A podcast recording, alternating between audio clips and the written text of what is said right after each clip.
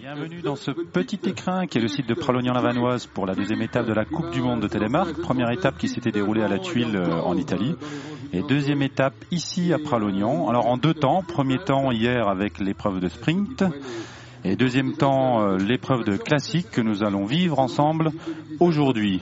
Alors pour vous présenter cette épreuve de classique, j'ai la chance et le grand honneur d'avoir à mes côtés la Dream Team du plateau TV, à savoir Monica de Chamonix qui est une grande habituée des événements sportifs, qui a fait ses premières armes en télémarque hier après-midi. On a vécu un, grand moment de télémarque. Elle va nous dire euh, tout à l'heure euh, comment vont ses cuisses parce qu'il me semble que ça brûlait un petit peu en fin d'après-midi. À la gauche de Monica, on a Tanner qui nous vient de Steamboat, Colorado, USA. Steamboat qui est une station qui accueille régulièrement hein, les épreuves de Coupe du Monde. Tanner est sur les listes actuelles de, la Coupe du Monde, mais il est blessé et il nous fait le, grand plaisir de, venir euh, commenter avec nous. Vous allez voir que sa connaissance en live des coureurs et de la technique va être très très pertinente. Et enfin, à ma droite, euh, on a Yann qui nous vient de la Suisse et qui lui va nous donner les temps intermédiaires parce qu'aujourd'hui il, y a deux parties skate donc on va réussir à avoir les deux les, temps intermédiaires de skate qui n'apparaissent pas sur votre écran et qui vont nous permettre de, mieux analyser les résultats des courses. Je termine par saluer la société de production slovène TDO qui va nous proposer ces magnifiques images de télémarque. Voilà donc une, un team très international pour tenter de vous faire vivre le meilleur de cette Coupe du Monde. Monica, Tanner, Yann, welcome in PLV Telemark World Cup. Bonjour Alba. Good morning, Yann. Good morning, Tanner. We're on day two of World Cup Telemark here in Pralognan-Lavanoise. It's the second weekend of the World Cup circuit. Last weekend we were in La Tuile, Italy. Now we are in the French Alps. Uh, yesterday we saw the athletes battle it out in the sprint event with Jasmine Taylor from the UK taking the top step of the podium from the women and Phil Lau from France walking away with the gold medal. Today it's a new day, a new event, the classic. It's longer and harder than the sprint and it's anybody's race. Yes, we have another lovely day here. The weather appears to be cooperating. Uh, the classic was always my favorite race when I was racing, and uh, it really tests the competitors because it's uh, about twice as long as the sprint, and it has whole whole bunch of elements. So we'll have to see see what happens today. Oui, la classique, c'est vrai, hein, c'est l'épreuve reine de Télémark. Et, on a l'impression que cette piste de la Combe des Bieux euh, à Pralognan a été taillée pour la, la classique qu'on qu découvre là avec la première concurrente qui est Chloé Blythe. Donc vous voyez qu'il y a un premier enchaînement de, de 6-7 portes géants. Et puis après, la grosse particularité, on entame directement une partie skate, donc Loom qui euh, permet de faire la transition entre le géant et le skate. Une partie skate alors qui est un profil plutôt descendant, bien que là, vous voyez, il y a un petit pas tournant, on remonte vers la banderole Pralognan-Lavanoise pour tourner là-haut.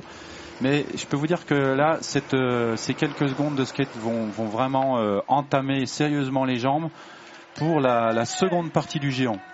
And on our screen here, our first competitor to kick out of the start gates this morning for the class event, event is Chloe Blythe from France, 19 years old. We can see now that she is in the whoops. Uh, uh, Chloe, this event, this uh, classic this morning has two looms, uh, and as we can see here at the giant skate, the giant section, and there are two skating sections as well. Alors pour ceux qui qui connaissent pas le, le télémarque, hein, vous voyez qu'il y a des banderoles jaunes et des banderoles bleues et rouges. Donc bleu et rouge c'est la partie géante classique où on doit poser la position télémarque. Et les portes jaunes sont des parties de, de skate en style libre. Hein, donc on peut euh, mettre la recherche de vitesse en style alpin. Il euh, n'y a pas de, il a pas de pénalité possible. Donc là, on se retrouve sur la, partie euh, qu'on a vue hier sur la sprint, hein, une partie euh, pente moyenne. Là, on arrive sur une partie beaucoup plus plane, très difficile à tracer parce que y a, c'est une partie de piste assez étroite. Et là, on va rentrer dans cette porte rouge sur le mur final qui va nous présenter sur le saut. Um, as you can see here, uh, these competitors have to negotiate a lot of giant slalom after a quite long skate section at the top. So the, the name of the game in classic is consistency. Maybe not quite as aggressive on the skiing, but trying to minimize mistakes and skiing clean. And um, since their legs will be a little bit more tired in that bottom section, they really have to make sure that they keep a nice clean line going. As you can see, Chloe is starting to get a bit tired in this bottom section.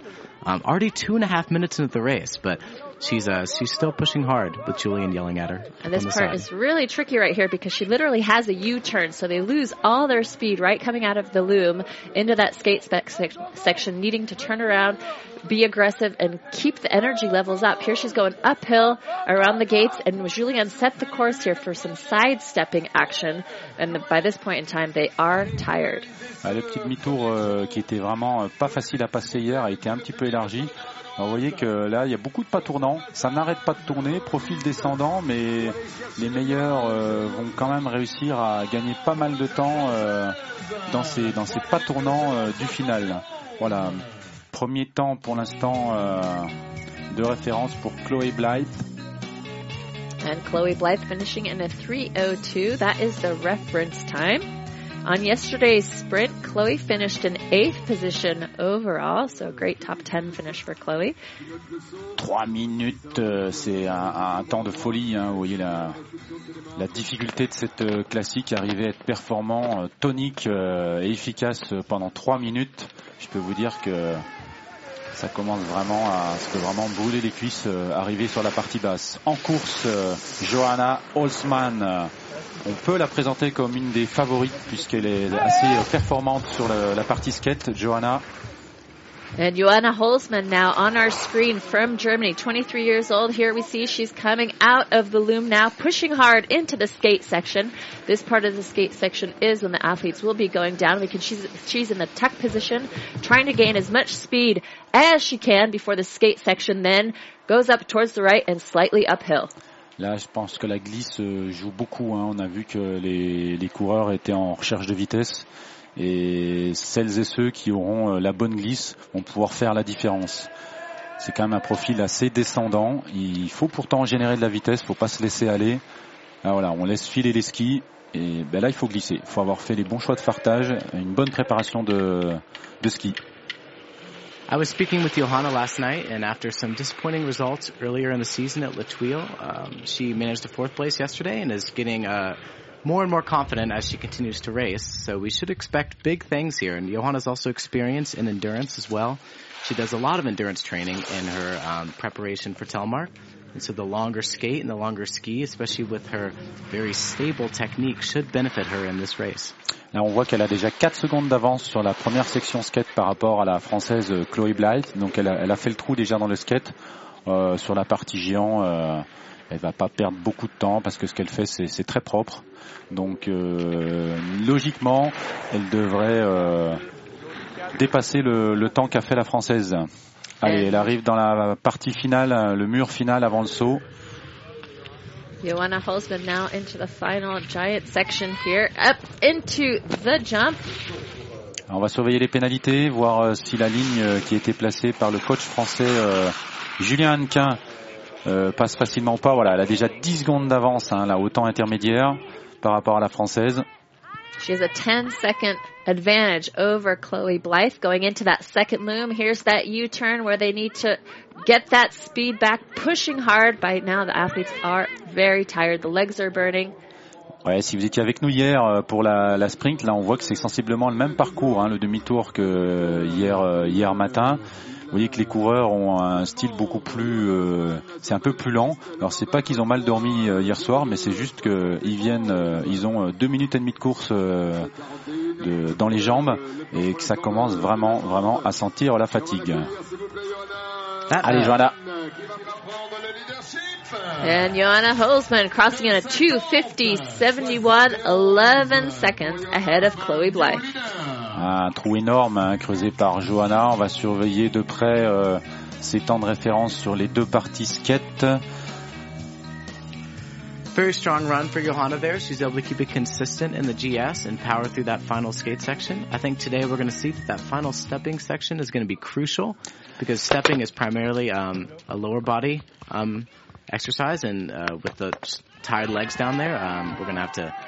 The athletes that have the most energy left are going to excel the most in that final section. Allez, Argeline Tanbouquet, la française au départ. Argeline qui a un esprit de revanche aujourd'hui. Elle fait pas une super belle course hier. Elle est ici pour pour la gagne. Elle adore euh, Pralognan-Lavanoise. C'est ici, rappelez-vous, qu'elle a gagné sa première course la- l'année dernière. Argeline hyper dynamique. J'a- J'adore son style. C'est une c'est une pile électrique. Regardez comme ça l'énergie qu'elle qu'elle déploie sur la partie skate.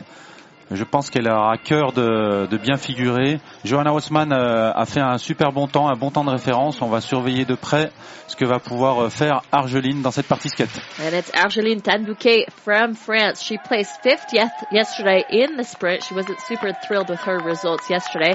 However, she's out for revenge here today and maybe hopefully holding on to her title. She did take gold here in Pralognon-Lavanoise in the classic last year. Argeline qui passe dans les hoops.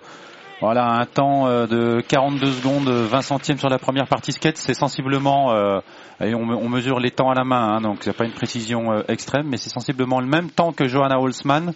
Donc pour l'instant, euh, tout va se jouer au niveau du géant, au niveau de la pénalité du saut, puisque Johanna n'a pas pris de pénalité sur, a réussi à faire la ligne au saut. Il faut absolument qu'Argeline fasse cette ligne. Petit peu en retard là sur ses mouvements de terrain dans le géant. Attention, parce qu'il n'y a pas beaucoup de pente, donc c'est difficile de reprendre de la vitesse. Looks like she got a little bit thrown off by that roll on that flat section. Uh, but another thing to keep in mind with this race today, as we mentioned yesterday, is uh, there's a lot of flat gliding sections, especially in the skate. So I think wax is going to be very critical here. C'est là qu'elle a, excuse-moi Tanner, c'est là qu'elle a perdu la coursière sur cette porte rouge. Beaucoup mieux négocié aujourd'hui. Allez Argeline, il reste 3-4 portes avant le saut. Il faut tout donner maintenant.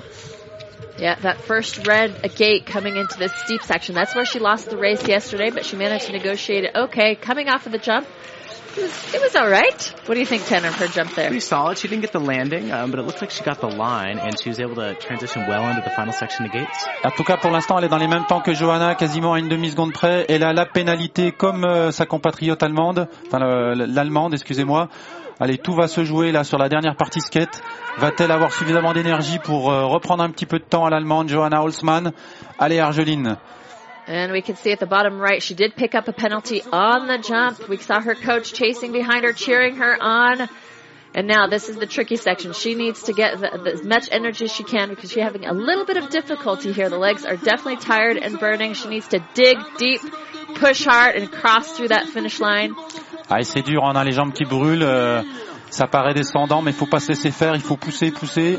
Elle est derrière à une seconde et demie. Ah, quel dommage. Elle est derrière l'Allemande, Argeline. Elle n'a pas réussi à faire la différence sur la partie euh, fond finale. And she clocks a 252.30 behind Johanna Holzman, who is holding on to the lead. Donc on a des temps de skate qui sont sensiblement identiques, donc la différence, euh, bah, la seconde et demie, c'est fait dans la partie géant. Argeline lays down a nice run there. Uh, we'll have to see how that time of Johanna holds up with some heavy hitters yet to come. But Argeline, being the overall winner last year, um, it appears that Johanna set down a good benchmark for these other racers to uh, try to hit. Alors il faut attendre hein, les, les, concurrentes suivantes. En troisième position, Jasmine Taylor. Jasmine qui est en pleine forme. Elle a gagné hier, Jazz. Euh, elle a fait d'énormes progrès sur la partie skate. On a regardé les, les, les temps par rapport à la, à la Suissesse Amélie Raymond. Elle était devant sur la première, devant sur la deuxième manche en skate.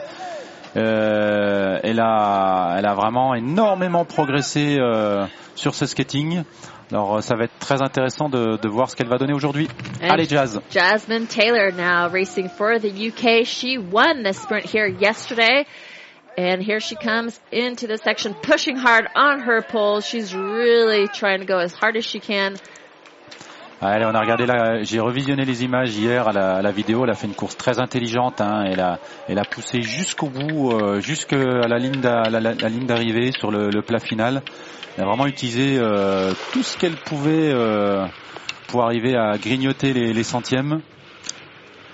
You can see Jazz trying to conserve a little bit of energy there in that rolling section, just staying low in her tuck. Um, you'll see multiple tactics used by different racers, whether or not they want to add a little push in there or conserve. But I think that um, her staying in that tuck and not using as much energy there should prove um, to her benefit. Alors c'est toujours un peu le, le, dilemme dans ce genre de, de classique très très très longue.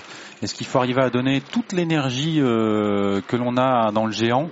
Est-ce qu'il ne faut pas essayer de skier un petit peu à l'économie pour, euh, pour garder du peps et du tonus sur la partie skate finale Pas évident, surtout que là c'est une partie assez plane, donc si on se laisse euh, si on se laisse faire, on a vite fait de perdre du temps. Voilà, euh, Jazz arrive dans la partie finale, pour l'instant relativement bien négociée. On va voir ce que ça donnait au, au niveau de la ligne. Elle plaque pas Telemark, il me semble, hein, sur la, la réception. Yeah, it seems like the reception was not in a telemark position. She is ahead though. She's in the green ahead of Joanna Holzman going into that second loom. Now onto the skate section. We see her coach Seb on the sides cheering her on. Ah, elle, elle prend les 4 secondes de pénalité. Alors, elle est, elle est dans le coup. Hein, elle est dans le coup au niveau, euh, au niveau du temps intermédiaire. Par contre, elle a 3 secondes de pénalité en plus par rapport à ses concurrentes précédentes. Il va vraiment falloir qu'elle donne le maximum dans la partie euh, fond finale. Elle en est capable, Jazz. On a vu par rapport à ce qu'elle a fait hier, qu'elle est capable d'aller très vite dans la partie skate. Allez, Jazz.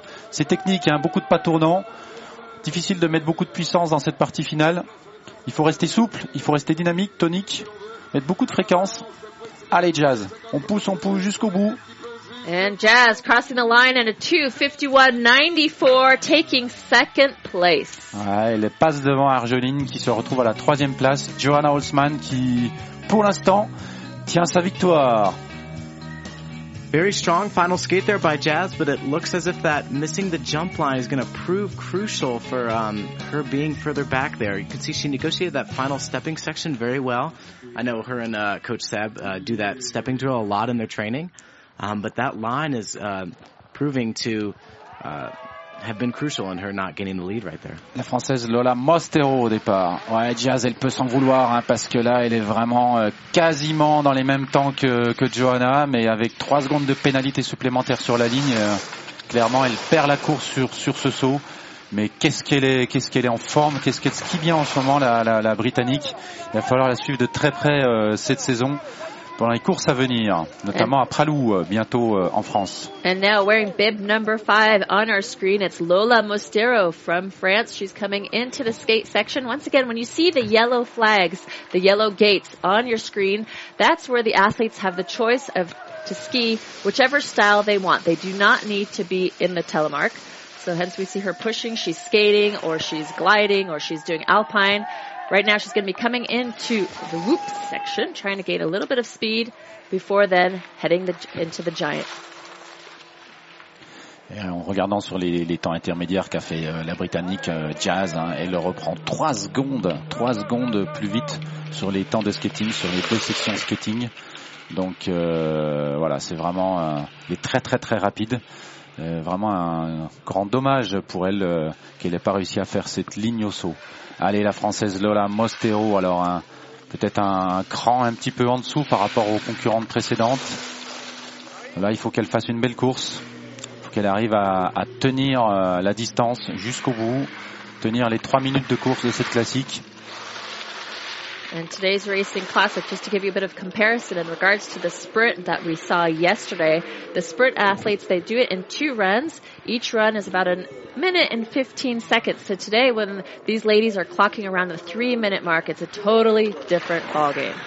Ce qui est difficile là, euh, c'est, c'est, et on n'a pas ça même euh, dans, dans les classiques, hein, c'est très rare, mais c'est le fait d'enchaîner euh, directement une, euh, une partie skate et ensuite de partir dans le géant. Physiologiquement, c'est pas du tout les, les mêmes fibres, c'est pas du tout le même effort. Et pour reprendre de, de la tonicité et, de la puissance dans le, dans partie géant après euh, 30-40 secondes de skate, ça c'est vraiment difficile. It's especially challenging for these younger athletes as well that haven't developed the endurance of the um, more veteran uh, skiers on the circuit. So we'll have to see how Lola negotiates this final section here. Um, being uh, being one of the juniors, uh, this race is going to test her, um, but ultimately it's going to make her a stronger racer and more experienced, and that's all you could hope for for being um, a young junior like she is. On a vu hier des coureurs qui passaient le demi-tour euh, par la gauche. Euh, bon, là, une grande majorité euh, reste sur ce choix tactique de, de prendre le demi-tour par la droite, donc de le reprendre euh, sur sa partie montante.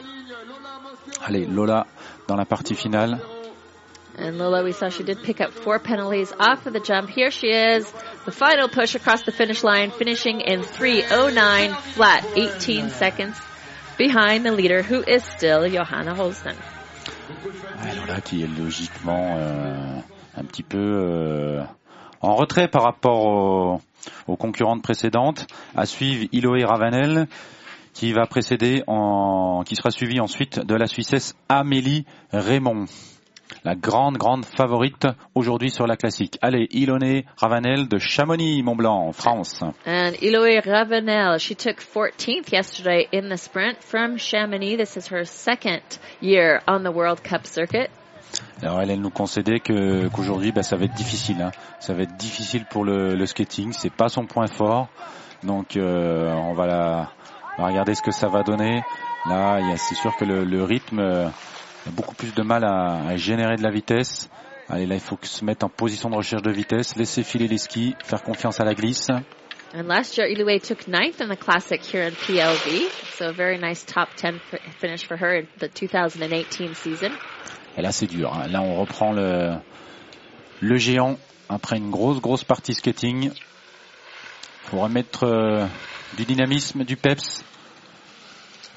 Eloy is one of the smaller girls on the circuit, but she's still got a lot of power in those legs, so I think she can still get a very good result here. She's looking strong in this lower section, still pretty aggressive. Donc on a une partie là euh, géant avec une pente euh, moyenne, pas mal de petits mouvements de terrain qui nous amène ensuite à la partie euh, très étroite euh, et plate euh, qui précède euh, la rupture de pente avant le saut. You can also see Johanna enjoying a Red Bull in the finish. She's a Red Bull athlete for Germany. But Iloe is still looking strong going into the final few gates. These are going to prove crucial. There appears to be quite chattery on those upper ones. You can see the skiers' uh, skis moving around a little bit more than on the upper gates, but she's still holding a pretty solid line. Ouais, Un Not saut un petit sure peu she juste. made it. Yeah, a bit short on the jump. Il faut qu'elle prenne peut-être un petit peu de Red Bull. Hein, euh, C'est peut-être ça qui fait la différence aujourd'hui. Allez Eloé, là ça va être dur. hein. Là ça va être dur de, finir cette partie euh, skate. faut qu'elle euh, négocie euh, du mieux qu'elle peut ce demi-tour. Allez Eloé, on est tous avec elle. On l'encourage. On aimerait la, la pousser dans cette partie skate. Il y a une petite euh, remontée là derrière le loom jusqu'à la banderole Savoie-Mont-Blanc. Et là, on plonge vers la ligne d'arrivée avec une succession de petits pas tournants. It's not uncommon that you'll see these athletes collapse at the finish line, and very often their teammates will come out and unbuckle their boots. They have literally nothing left. Um, this indiscipline really tests everything with these athletes. Pas tournant, c'est un exercice euh, très difficile. hein. Ça demande beaucoup de souplesse, beaucoup de rapidité, beaucoup de flexion de cheville euh, qu'on n'a pas en télémarque parce qu'on a quand même du matériel euh, assez rigide finalement. Les, on n'aura jamais la souplesse de cheville qu'un fondeur euh, pur. Donc c'est très difficile de d'arriver à, à négocier ces, ces petits steps euh, sur le côté. Allez, la grande favorite Amélie Raymond, qui doit être revancharde aujourd'hui parce qu'elle a, elle a perdu la course hier. Euh, elle n'a pas non plus réussi à négocier euh, les deux courses euh, parfaitement euh, sur la tournée précédente à la tuile. Amélie, elle vient ici pour la gagne. La classique, c'est sa discipline. On va voir ce qu'elle va donner aujourd'hui, Amélie. And now it's Amelie Wenger Raymond from Switzerland on the hill. She took second place in yesterday's sprint by only 79 one hundredths of a second behind Jasmine Taylor. And she is going for the win out here today. Here we can see coming out of the loom, pushing strong into the skating part. Amélie, elle est, elle est ultra polyvalente, hein, elle perd pas de temps dans le géant. Dans le fond, euh, elle fait d'excellents temps, même si elle a été dépassée, hein, il faut le dire, euh, hier par euh, la, la Britannique Jasmine Taylor. On voit ici sa petite fille et son homme. And on the screen just there, the, the man with the small child, that is her husband and her little girl. Emily has a beautiful baby girl, 10 months old. So for those of you who may or may not know, she took the 2018 season off to start her family. And it's great to see Emily back on the slopes again. The girls last season, they were competing without Emily on the circuit. So a lot of them gained experience. They gained confidence, but now she's back and she's one to contend with. On lui a posé la question hier, comment elle arrivait à gérer euh, les entraînements, la vie de famille. Bon, elle a elle dit que c'était une question d'organisation, mais que tout se passait bien. Elle s'était bien préparée pour cette saison. Et elle a la chance d'avoir un mari qui est bien présent, qui arrive à la suivre sur toutes les courses avec sa petite fille. Donc euh, bah, c'est parfait. Peut-être que ça peut aussi la libérer euh, psychologiquement, euh, moins de pression. Elle a autre chose maintenant que le télémarque dans la vie.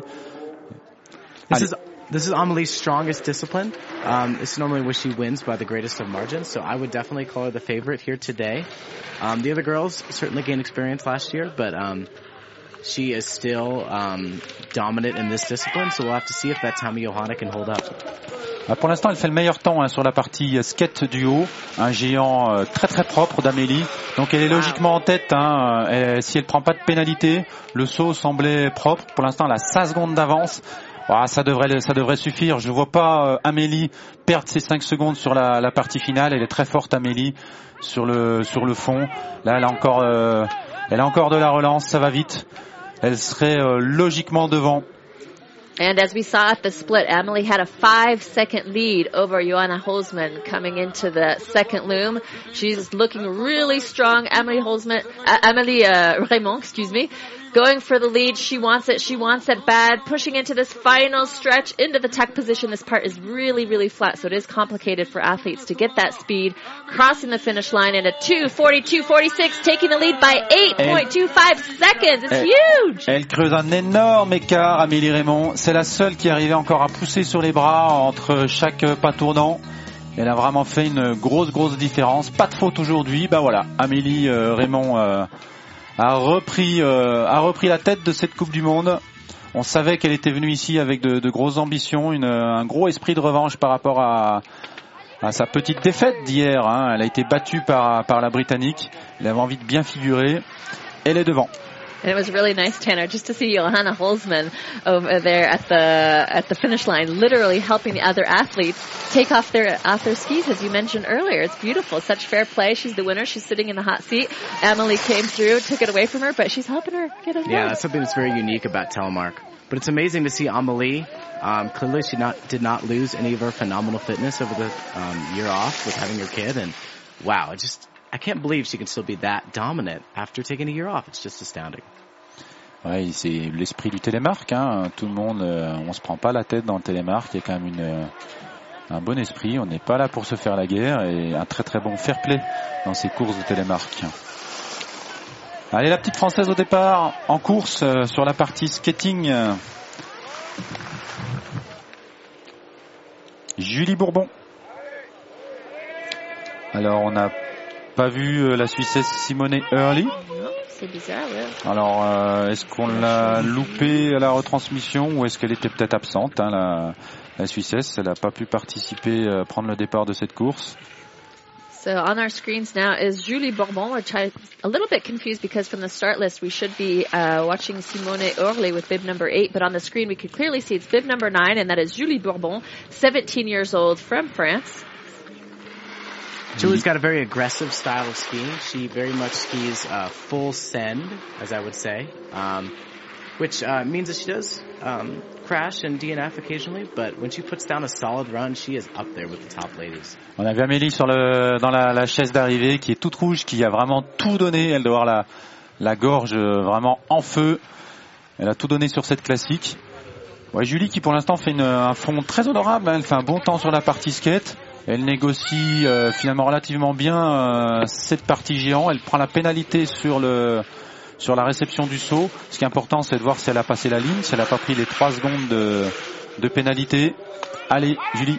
Yeah, Julie did not land her jump in the telemark position, so she'll pick up a penalty there. And she didn't make the line either, as we can see on the bottom right, picking it. Oh no! She tripped herself up Ah, une grosse, on the skating section. une grosse faute. Elle prend son bâton là dans le, elle plante son bâton dans les skis, les skis dans le bâton plutôt. Alors là, elle a perdu toute sa vitesse. Ça va être dur. Hein. Ça va être dur de repartir pour Julie. Come on, Julie, keep going, keep going.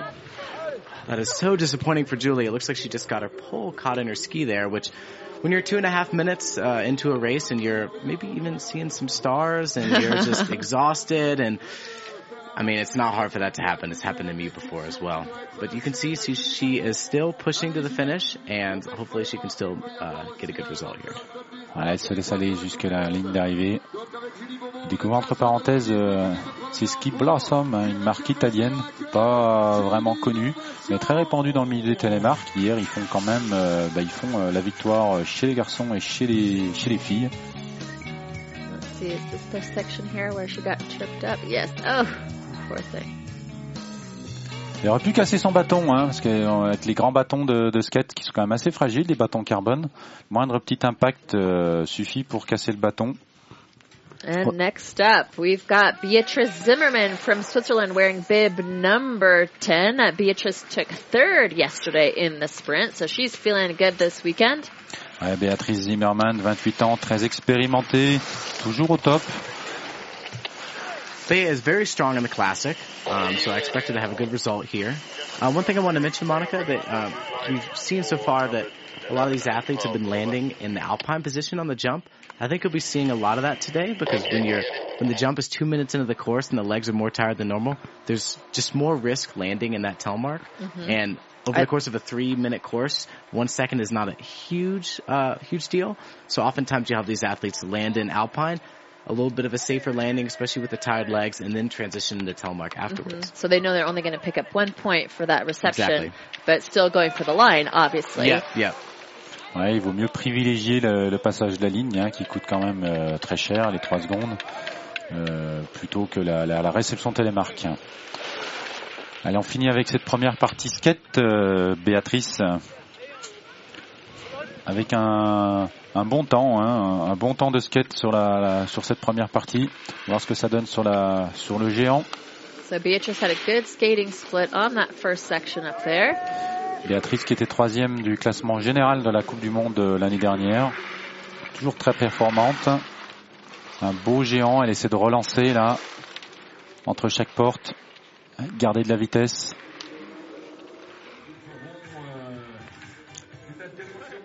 Bea has a beautiful style on her skis. She rolls onto the edge at the top of the turn very well, and um, it's a very smooth style, which is why she does uh, does quite well in the classic races. Uh, she doesn't ski quite as aggressive as maybe some of the other girls, but it's a very consistent style that uh, lends itself well to these longer courses.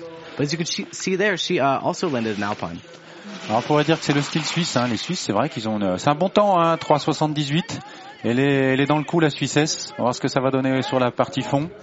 Elle est dans le coup éventuellement pour un, pour un podium. Ça, on va voir au niveau des pénalités ce que ça donne. Pour l'instant, a priori, elle a, elle a fait la ligne. Ouais, les Suisses qui ont une équipe, euh, une vraiment belle équipe, très consistante, que ce soit chez les filles ou chez les garçons. Ils sont capables de gagner euh, dans les dans les deux catégories.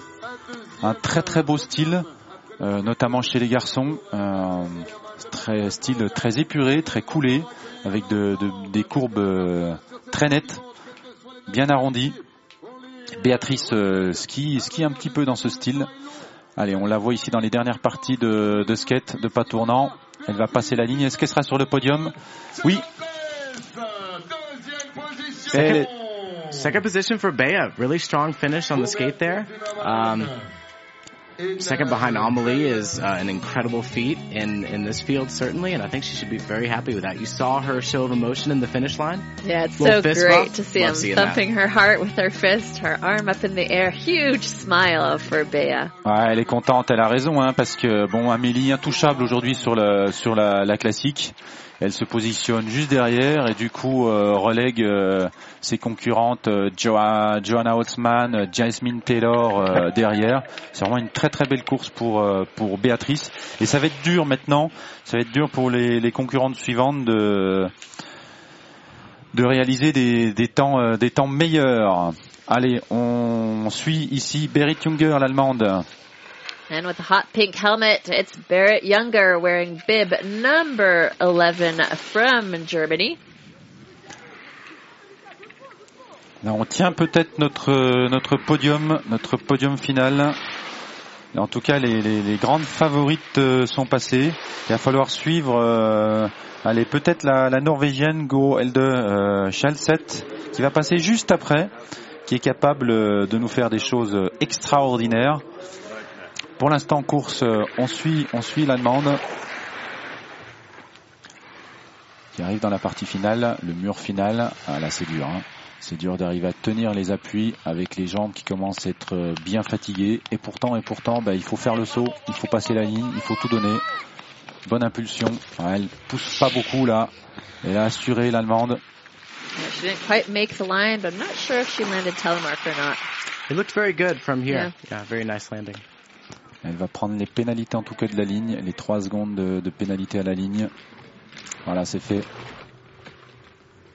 And Barrett Younger picking up four penalties in total off of her run, three off the jump, one for a miss for a fault at the gates.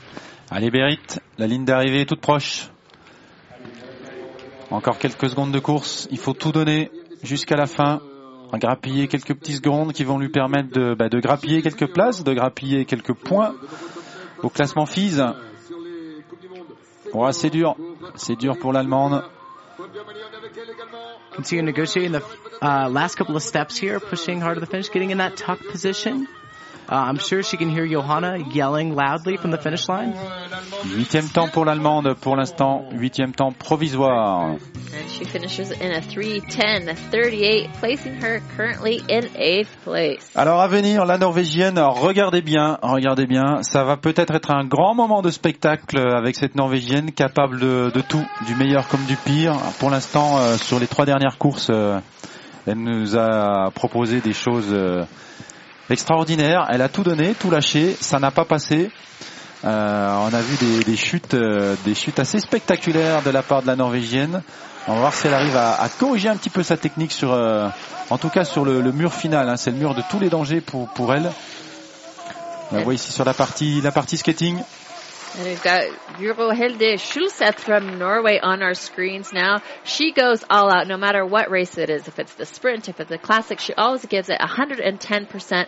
Yesterday on the sprint, she did finish seventh. We saw she had quite a few mistakes yesterday, Tanner, but she just kept going, kept getting up.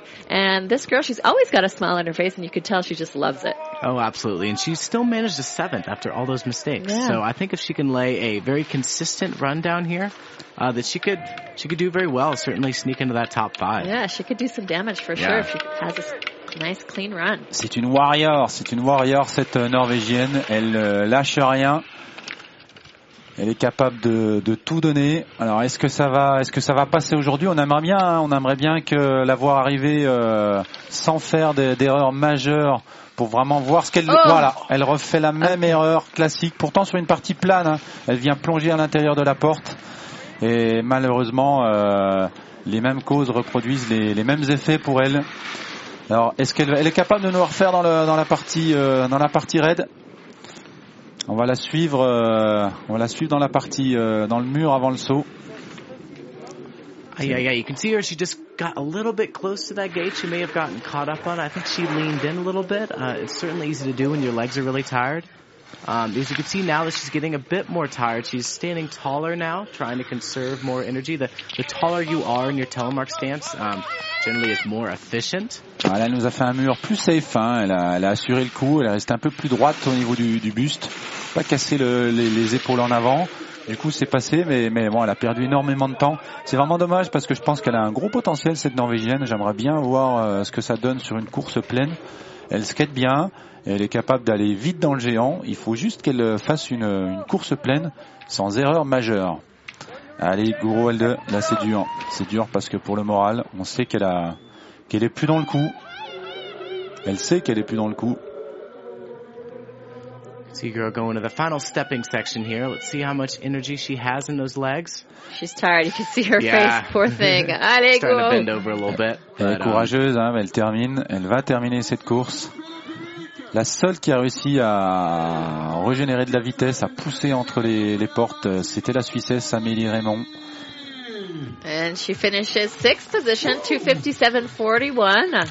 Allez, c'est un temps honorable, hein, vraiment, euh, vraiment quel dommage qu'elle n'arrive pas à terminer ces, ces courses là, parce que je pense qu'elle euh, est capable de faire de, de très très bons temps cette petite Norvégienne. So it looked like hitting that gate knocked her off balance. there. Yeah, yeah, and also with with telemark, um, that tends to happen more often because of the longer skate poles. Um, They tend to get caught, especially the baskets and the the end of the poles. But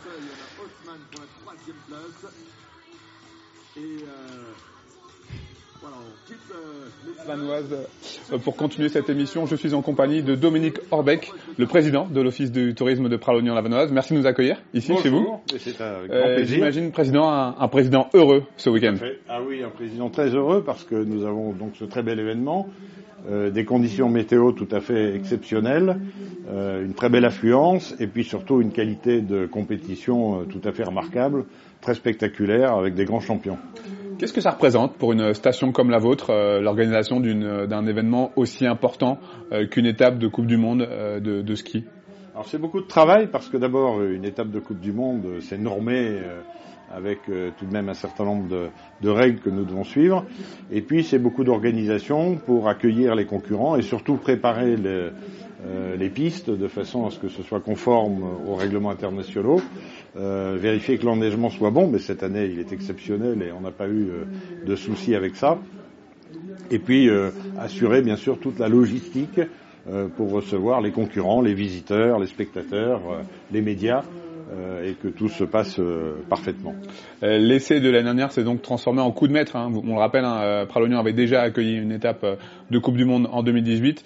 2019, renouvellement, tout se passe très bien. Alors renouvellement, tout se passe très bien et je pense que ça se passe même encore mieux parce qu'on apprend toujours au fur et à mesure que l'on pratique, c'est comme le ski d'ailleurs.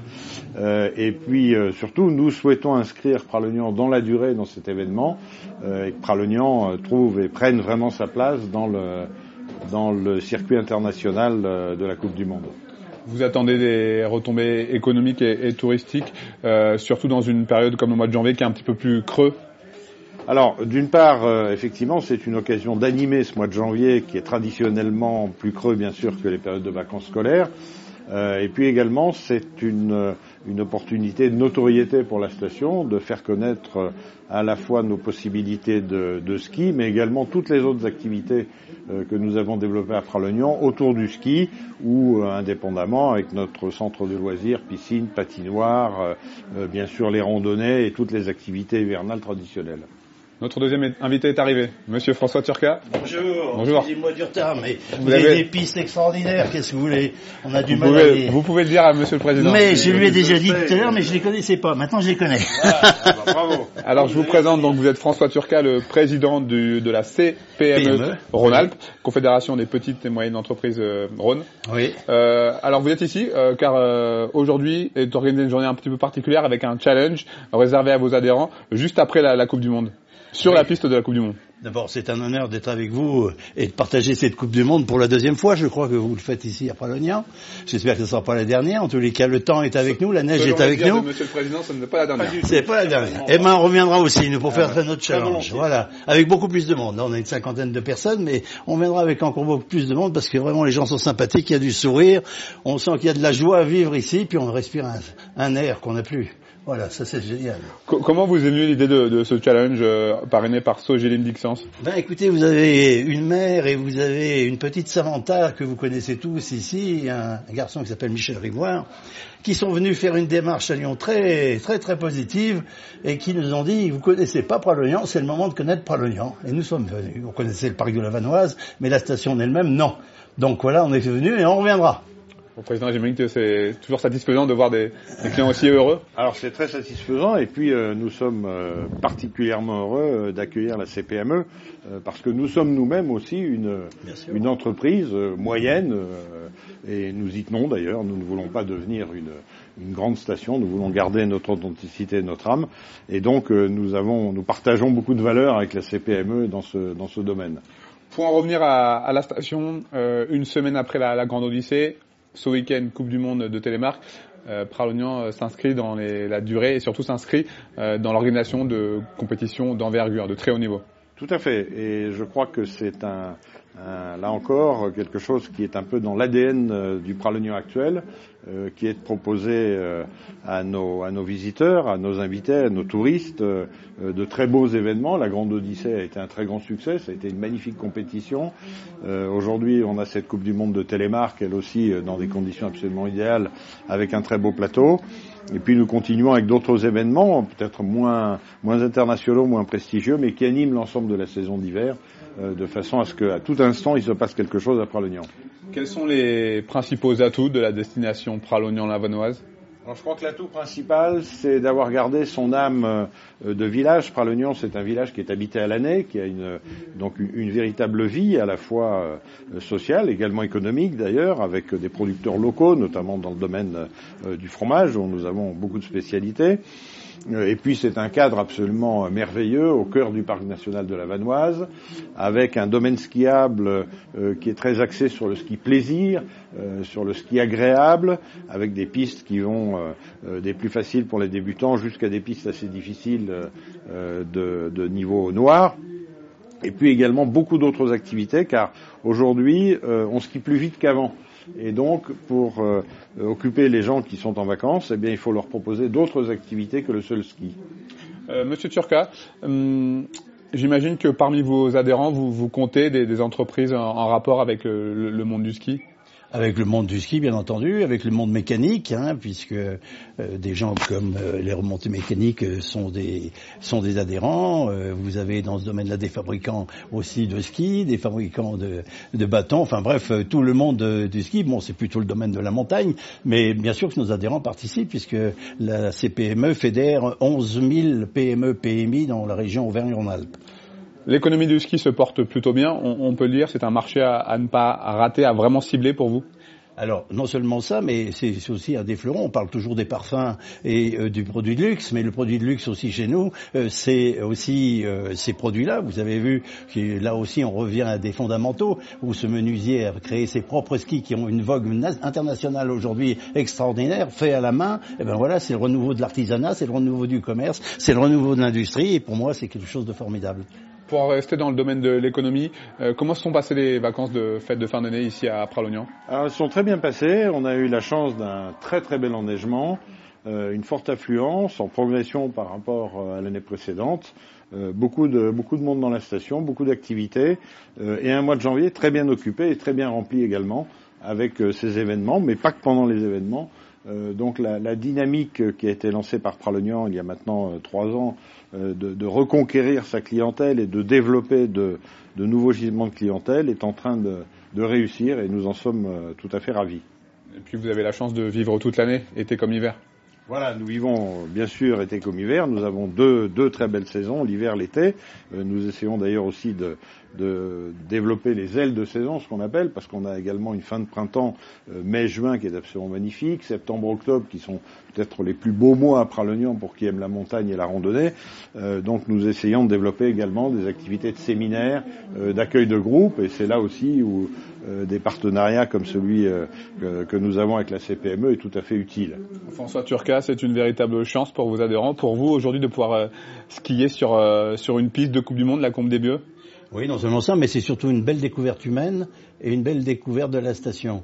Donc euh, pour moi, les deux sont liés parce que lorsque vous venez ici et que les gens que vous connaissez pas vous disent bonjour, c'est déjà un renouveau. Vous voyez, on n'est plus dans une grisaille et dans une morosité euh, latente en France. Là, on a l'impression de respirer un autre air et d'être dans un nouveau monde. Donc on va essayer de continuer à rêver.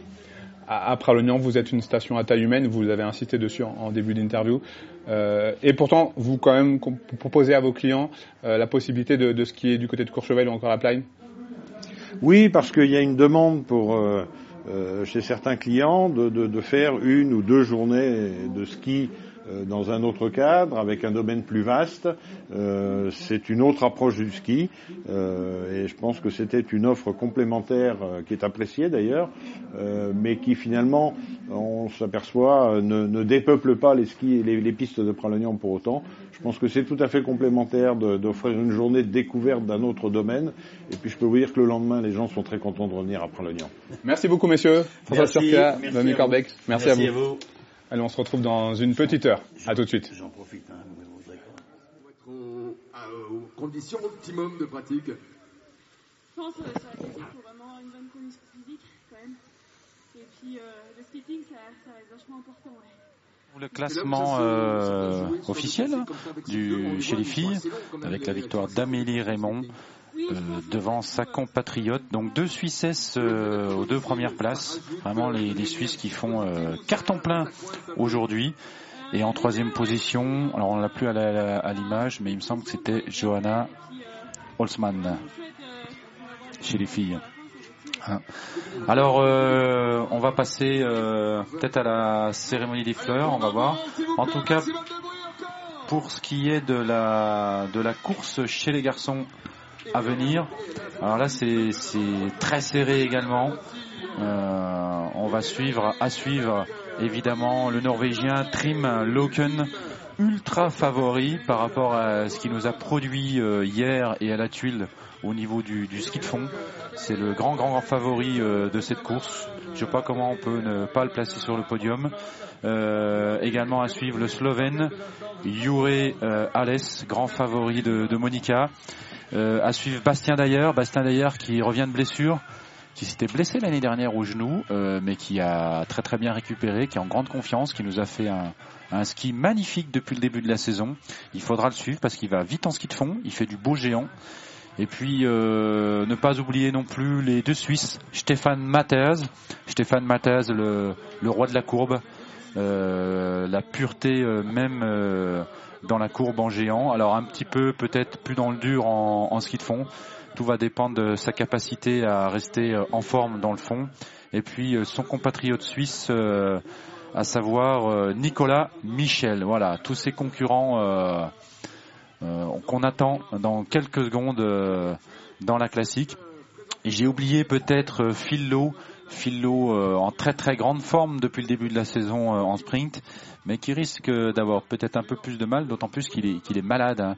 Il nous a dit qu'il allait avoir beaucoup de difficultés à, à tenir le rythme euh, aujourd'hui dans la partie skating. Voilà, on attend dans quelques instants la flower ceremony chez les filles. And I think it's starting actually right now. Here we go, kicking off the flower ceremony for the classic event here in Pralognon-la-Vanoise. Uh, the women's telemark third place is Johanna Holzmann from Germany. Johanna qui se rachète un petit peu, hein, elle avait fait un début de saison, une course en tout cas hier euh, plus que mitigée. Ben, elle monte sur la boîte aujourd'hui, c'est bien. Deuxième position pour euh, la Suissesse. euh, Beatrice Zimmermann. uh, Béatrice Zimmermann est en tête et en tête le, monstre Amélie Raymond qui euh, reprend le leadership de cette Coupe du Monde. Elle a vraiment été euh, impériale aujourd'hui, du grand Amélie Raymond. Bah, on est content pour elle, hein. elle revient en grande forme, en grande forme sur les, classiques. Elle gagne à la tuile, elle gagne à Pralognan en Lavanoise. Elle se place déjà, déjà comme la fille à battre euh, cette année en Coupe du Monde.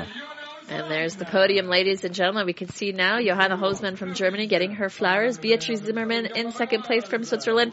And first place going to Amélie Raymond from Switzerland. Béatrice Zimmermann dopée au Red Bull. Amélie Raymond euh, dopée par euh, sa petite fille qui a dû lui l'encourager au bord de la piste.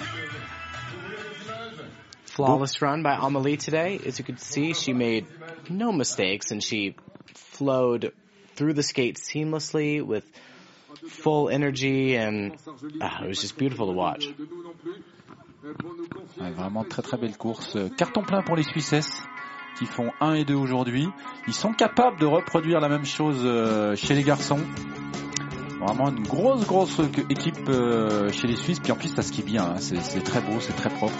Toujours agréable à, à revoir cette équipe suisse. Notamment dans les parties géants. Magnifique ralenti, on voit la sortie du loom. La Suissesse Béatrice Zimmermann. Il faut relancer sur le skate. Le saut pour la Suissesse. Elle ne fait pas la pénalité, elle n'arrive pas à proposer télémarque. Et Amélie Raymond dans le géant. Allez, comme ça, découpe bien dans les portes. Loom parfait, bien équilibré. Relance en petit pas tournant et tout de suite ça pousse sur les bâtons. C'est la seule hein, qui vraiment a réussi à, gérer ces, ces petits pas tournants euh, sur la fin de piste, à garder, garder, garder de la vitesse pour créer un trou euh, gigantesque. Écoute Amélie. Euh, C'était vraiment une, longue mais, belle course. J'ai eu énorme plaisir à skier. C'est clair que ça brûle dans les jambes, mais je suis super contente avec victoires. Voilà, 135e victoire pour toi. Euh, oui, je pense que vous devez le savoir. Peux-tu nous dire la même chose en, anglais? Yeah, I had a really good uh, race. It's a, a long race, but I'm really happy to win here uh, in Pralognan, la Monoise. Très bien, merci beaucoup. Les applaudissements à nouveau pour Amélie Raymond. Et on va retrouver Argeline Tanbouquet pour euh, la première française. Aiguille de la Vanoise euh, sur vos écrans. Magnifique euh, aiguille qui se fait en traversée.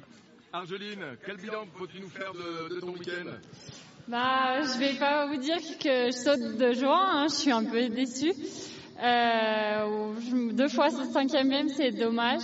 Euh, je pensais vraiment faire euh, un peu mieux que ça. Le géant était, était top aujourd'hui, les, les conditions étaient super. Il y a eu vraiment des cartes à jouer et voilà, moi j'ai pas su sortir mon jeu. C'est un, un peu frustrant, mais voilà, je vais travailler là-dessus pour être à fond la semaine prochaine et puis et puis on verra. Okay, and thing in English, please. Uh, yes, so not super happy what I did uh, those last two days. Uh, I think I can do much better, so I will work on it for uh, the next races. Très bien. Merci beaucoup, qui, qui peut être déçu. Hein. C'est vrai que bon hier elle perd la course, euh, perd la course dans le géant parce qu'elle fait des parties fond euh, tout à fait euh, honorables. Elle n'arrive pas à, à suivre le rythme dans le géant, une erreur dans le saut. Bon voilà une, une étape à, à oublier pour Argeline. Euh, qui était vraiment, on l'a vu très très déçue euh, hier. euh, on a l'impression qu'elle était au, au, au- bord des larmes et on la comprend. hein, elle avait de grosses ambitions suite à sa victoire euh, à la tuile.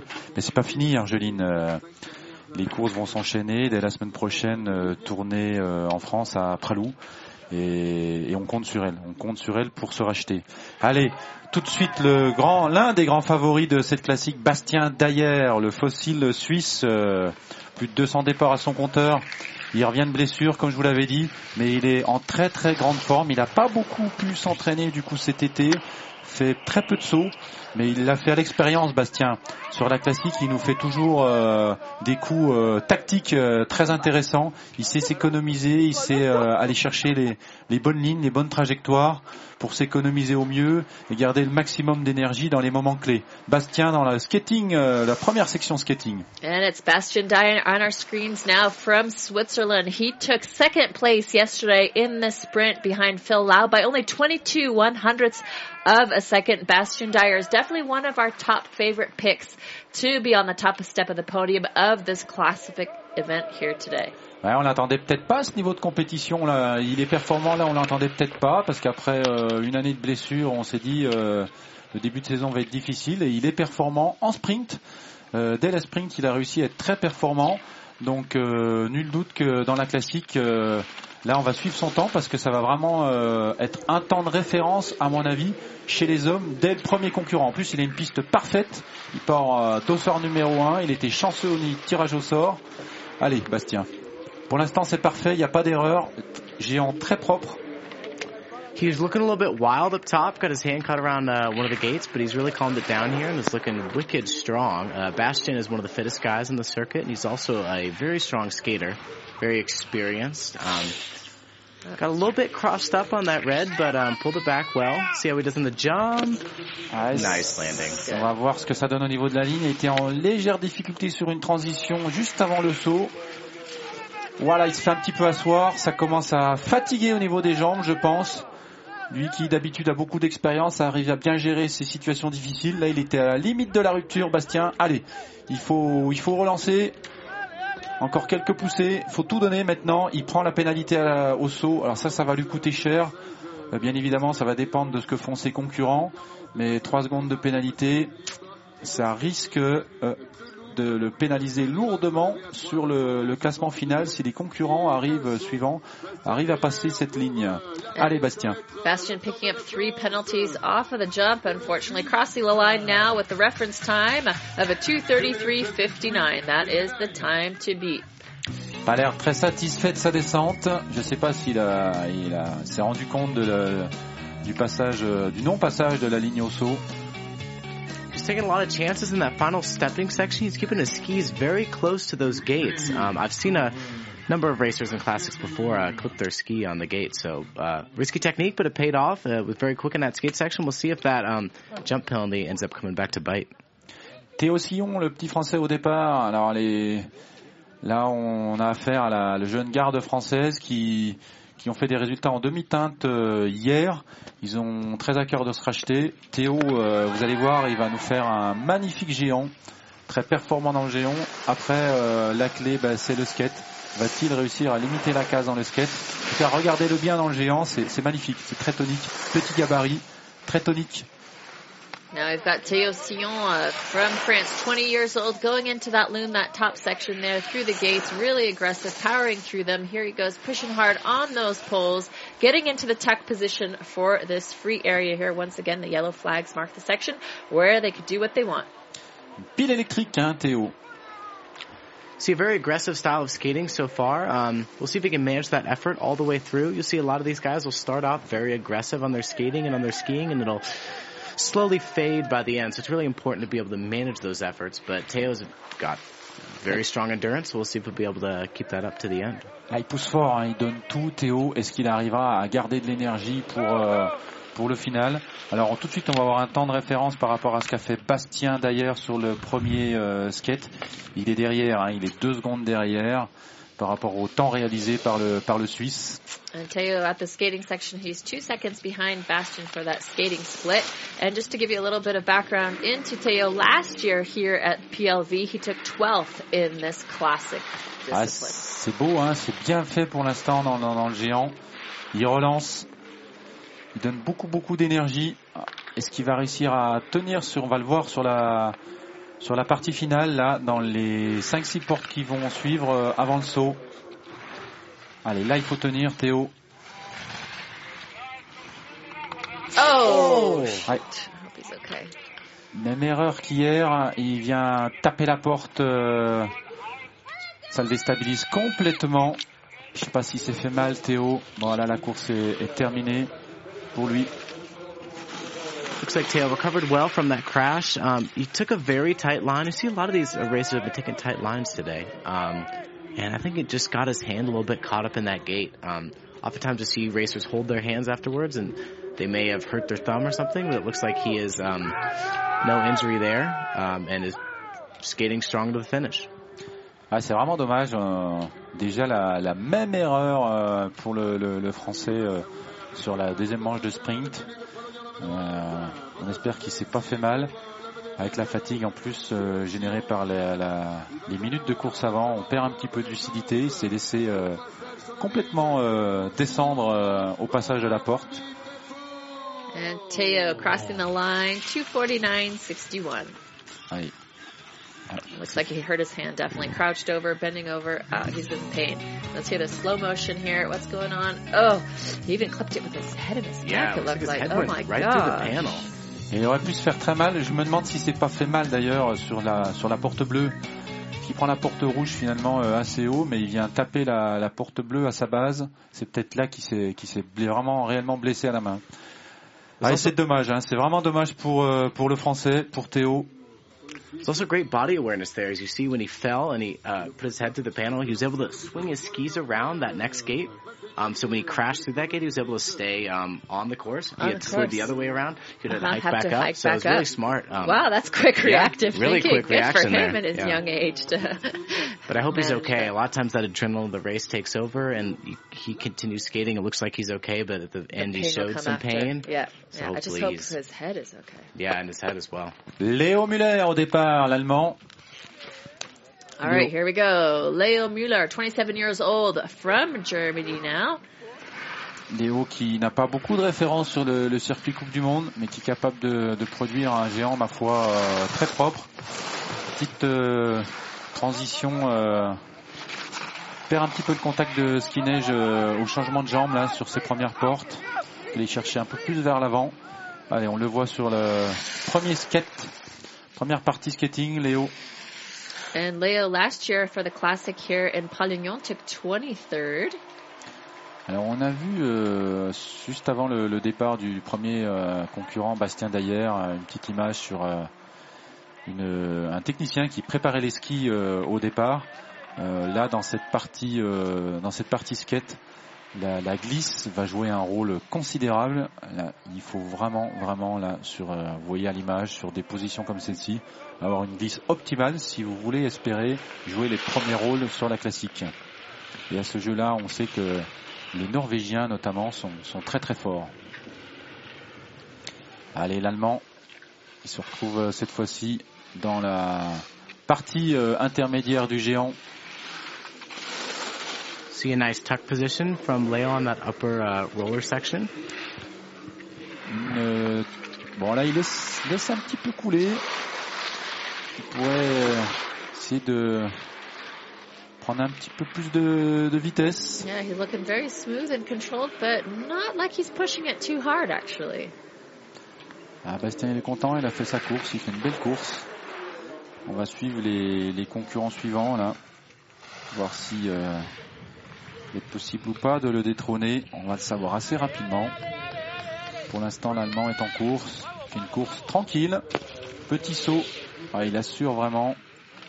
Peut-être euh, déjà relativement fatigué. Donc il va prendre la pénalité, la pénalité de la ligne. En tout cas. Allez, Léo. One of the big things that distinguishes telemark racing from alpine racing is you really have to manage your efforts, and it involves uh, more tactics in the GS because these racers have to, you know, if they give too much in the GS, they won't have enough in the skate, and if they don't, and then if they hold back too much in the GS, they may have more energy than they would have liked, and they had have energy at the end that they could have expensed during the race. So you really have to manage your efforts, and it's challenging to find that blend of pushing hard and being in the limit and um, not pushing too hard. On voit là les, les épaules et la tête qui, qui font des petits mouvements parasites.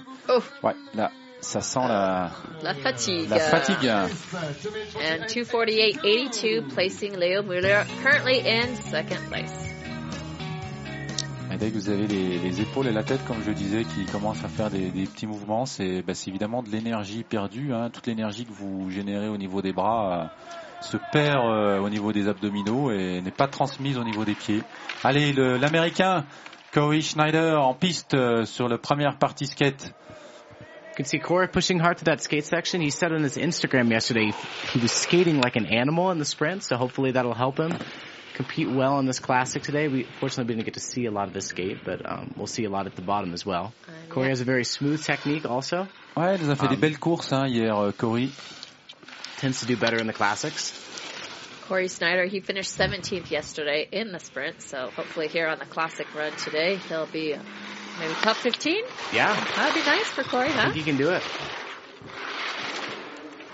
Ouais, on l'espère hein, pour Cory. Cory qui, euh, oh là là là là là qui a failli partir à la faute. Je pense pas qu'il ait perdu beaucoup de temps. Il a bien récupéré. C'est à la limite? Those atomic skis are very responsive. It looked like he just got popped a little bit, uh, pressured too hard at uh, one time. Ouais, là, il est à la limite de la rupture, Cory. C'est bien ce qu'il fait. Il tient. Il a bien géré ses pistes, euh, ses, ses portes dans le raid. Là, on l'entend qui, qui souffle. Il a poussé tout ce qu'il pouvait sur la ligne. Oh, and he goes down. yeah, yeah, he's down. split, Alright, but is coming back up. Ah, il s'est fait Alright, écraser. on. Il s'est fait complètement écraser dans le loom.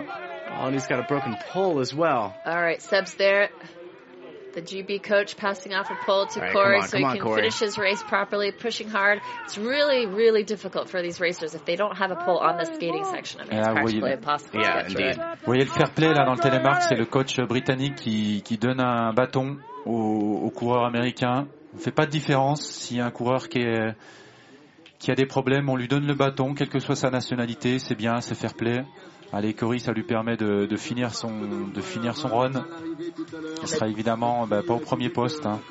And the GT, GB team has pretty much adopted the Americans, Tanner, Yep, right? yep, you would indeed. know we that, have uh, right? we have named ourselves Team English Speaking. All right, there we go. and Corey Snyder finishing in fourth in a 258.02. You can tell Corey's very disappointed with that. Also very exhausted. It's so hard to keep yourself upright in the wrap when your legs are tired like that. It looks like he just sat down a little bit too much. He got compressed too quickly and just fell backwards. And then the moment he stood up, it looks like that pole just cracked. Il faut se rendre compte de la difficulté, hein, de la difficulté du loom en, en soi. Alors après, euh, faire ce loom après euh, plus de deux minutes de course, euh, il faut le, il faut le vivre pour se rendre compte euh, vraiment de de la difficulté de cet exercice. Allez, en course, le Suisse Nicolas Michel, l'un des grands favoris, on l'a noté comme l'un des grands favoris de cette course. Une, euh, technique euh, très épurée, des, courbes très rondes euh, dans le géant, Nicolas Michel. Il est capable aujourd'hui de jouer la gagne. And Nicolas Michel on the hill now wearing bib number five. That top first giant section looking nice and smooth. Big round carving turns around the gate. Je rappelle que Nicolas Michel, c'est le tenant du titre euh, au classement général de la Coupe du Monde 2017-2018 dans la classique. Hein. Il devançait le Norvégien Trim Loken. Donc là, on a vraiment un grand, grand favori en course. Allez, Nicolas. We'll have to see how Nicolas does today. He uh, just spent the last six months, I believe, um, getting his bachelor's degree in um, LA. So I've heard he's been doing a fair amount of sunbathing, maybe not quite as much training as normal. Um, we'll see if that comes back to bite in this longer classic. But he did quite well in the Latuil Classic. He got third, so um, he's got that strong fitness background, and we'll see what he can do. Let's hope he can do better than yesterday. He did take sixth yesterday, which isn't too, too bad, but Nicolas Michel definitely used to being on the top steps of the podium, podium pretty consistently. Um, he was on the top steps of the podium 12 times in 2018. He took gold five times, silver five times, and two bronze. Bon, pour l'instant, si on se fie au temps intermédiaire de, skating euh, qu'a pris Yann, il est deux secondes derrière Bastien d'ailleurs, donc euh, voilà, un, skate euh, finalement euh, moyen pour le pour le Suisse pour l'instant. Est-ce qu'il va réussir à faire la différence dans la partie euh, géant? Pour l'instant, il est il est dans le dur là. Hein. Still looking quite strong in this bottom section. I'm very excited to see if he challenges that time at Bastion. It looks like he's a little bit behind. Il pose, euh, il réceptionne Télémark euh, avec beaucoup d'expérience parce qu'il était très arrière, mais il arrive quand même à, à poser Télémark, il me semble. A-t-il fait la ligne? On va le savoir tout de suite. At the split, he was 2.26 behind Bastion. He did pick up a penalty, however. Ouais. Il prend la pénalité quand même. We'll have to see if he gets the line though, because Bastion um, did miss the line, so that is a two additional seconds from Nicolau. So um, he might be able to still snag the lead here. We'll see. Ouais, à la faveur d'une pénalité que de ligne que lui n'a pas pris, alors que son compatriote suisse euh, a pris. On va voir s'il va réussir à, à, revenir. Ça va être juste. Hein. Ça va être juste euh, de passer devant son compatriote suisse Bastien d'ailleurs. Allez. Nicolas Michel finishing at 238.90, second place by 5.31 seconds behind the leader. Ouais, il, il est derrière. Nicolas Michel. Ouais, il réceptionne Télémark, mais dans un deuxième temps, elle s'est pas enchaîné sur le, en même temps que la réception. Donc c'est logique qu'il prenne la pénalité. Il est un petit peu en retrait sur les parties skate. Il perd, euh, à mon avis, euh, pas mal de temps dans, dans, le géant par rapport à Bastien. Vraiment Bastien qui, pour l'instant, euh, court sans faute. C'est vraiment un magnifique début de saison. Allez, le, le français, le français Noé Clé au départ. And here we go with Noé Clay for France, 20 years old. He took 13th in yesterday's sprint and ninth in the classic event in La Tuile last weekend. I'm very excited to see what Noé can do today. He's one of the rising stars of the World Cup. He keeps getting better and better results. He got a couple of uh, fifth places last year, and I think he can really do some damage if he lays down a clean run. Noé qui est en sans cesse progression, qui fait sa meilleure saison l'année dernière en 2018. Hein. Qui progresse d'année en année. Euh, bah son but au jeu pour cette saison, bah c'est évidemment de jouer les premiers rôles, de faire des, des top 5, même des podiums. Qui était, euh, il a connu, euh, il a connu le podium aux mondiaux juniors, mais pas encore euh, dans la catégorie senior. Noé. Yeah, he took first in the classic at the Junior World Ski Championships last year, so classic is definitely one of his strong points. Allez, on va regarder son temps intermédiaire au premier, euh, à la première classique. Il est un petit peu en retrait, hein. il est euh, 3 secondes et demie derrière le, le Suisse Bastien Dayer. Ça, ça va lui, coûter cher sur le temps final. Parce que pour l'instant, la partie géant euh, est propre, il n'y a rien à redire. Un petit peu en arrière là sur ses portes. Nice turns down here from Noé. Oh, oh shoot. Ouais, et c'est fini pour Noé. Uh, but he's gonna keep on going. Knocked out the publicity flag, but that's okay. He made the blue one, so he's still on course. Allez, go Noé. Alors j'en connais un qui va être euh, qui va être déçu, c'est c'est l'entraîneur français Julien Hannequin. un petit peu déçu hier euh, malgré la victoire euh, de du français Phil Lowe. Il attendait peut-être mieux de, ces jeunes coureurs là en devenir qui avaient euh, ben, finalement loupé un petit peu leur, euh, sprint. Et ben, ça se reproduit aujourd'hui, des petites erreurs qui coûtent cher. On a vu euh, le premier Français qui était Théo Sillon qui, qui se prend la porte là dans le mur. Noé qui chute à nouveau. C'est dommage. C'est dommage parce qu'ils n'arrivent pas du coup à révéler leur vraie valeur, ces coureurs. Ils sont capables de, de beaucoup mieux. This is proving to be a tough set from Julian, uh, the French coach. We've seen a lot of crashes thus far. Um, appears to be a little bit tricky right as the athletes hit that final steep pitch, especially with their um, very tired legs. Ah, il fait des, des pas tournants, euh, il tourne très court, hein, mais bon, il n'a pas beaucoup de vitesse, il est fatigué là. Noé, il a tout donné. C'est le troisième temps, euh, troisième temps provisoire. C'est dommage. Il prend trop d'angles, beaucoup trop d'angles sur cette euh, sur cette porte qui était finalement euh, a priori euh, pas si difficile à, à gérer sur une partie assez plate. So you can see Monica, he didn't quite keep his upper body um, upright enough, and he leaned in a little bit too much. He starts putting the forearm down, and then before you know it, he was on the ground. And Noah gets a lot of lower body angulation when he skis, and he's very active, but mm-hmm. it's important for him to keep that upper body upright and very square, and it looks like he just lost that for a moment, and that caused him to crash. Allez, un autre jeune français, euh, Naboch, euh, du Jura, en course. Et Nabo, lui aussi capable de faire un très très bon géant. Après, par contre, euh, ben, dans la partie skating, ça va être un peu plus difficile. Ellie Nabbit now from France, 21 years old. Yesterday in the sprint, Ellie took 15th place out of the 36 men that took the start. Another one of the rising stars of the World Cup. Um, Le is uh, a very strong GS skier. Um, it's not not the quickest in the World Cup in the skate, and I think that's going to be crucial for him today. If he can lay down a fast skate, then I think he can certainly do extraordinarily well. Ellie qui nous concédait qu'il avait encore beaucoup beaucoup de progrès à faire dans la, dans la partie skating. C'est là qu'il perdait le plus clair de, du temps dans les courses pour l'instant. Bastien solidement euh, assis sur sa chaise de leader. And Ellie did take 10th place in the classic format last weekend in La Tuile. On n'a pas eu son temps sur la, la première partie skate à Ellie. On le regarde pour l'instant dans le géant, c'est propre, c'est bien fait. Faire attention à ce qu'il se fasse pas prendre euh, comme Noé euh, dans cette porte rouge. C'est bien fait. Allez, là on va arriver sur le plat. C'est là que Noé, est tombé là. Tac, ça passe sans problème pour Ellie. Il va aborder euh, cette fameuse porte rouge qui a posé tant de soucis hier à la sprint. Il a posé sans problème. Il est un peu fatigué. hein. On voit que ça, ça descend, descend un peu dans les portes, mais ça passe, ça passe bien, c'est propre, ça tourne rond. Il aborde le saut dans de bonnes conditions. Ça pose télémarque. Il est bien, il est bien, il est bien, il est bien.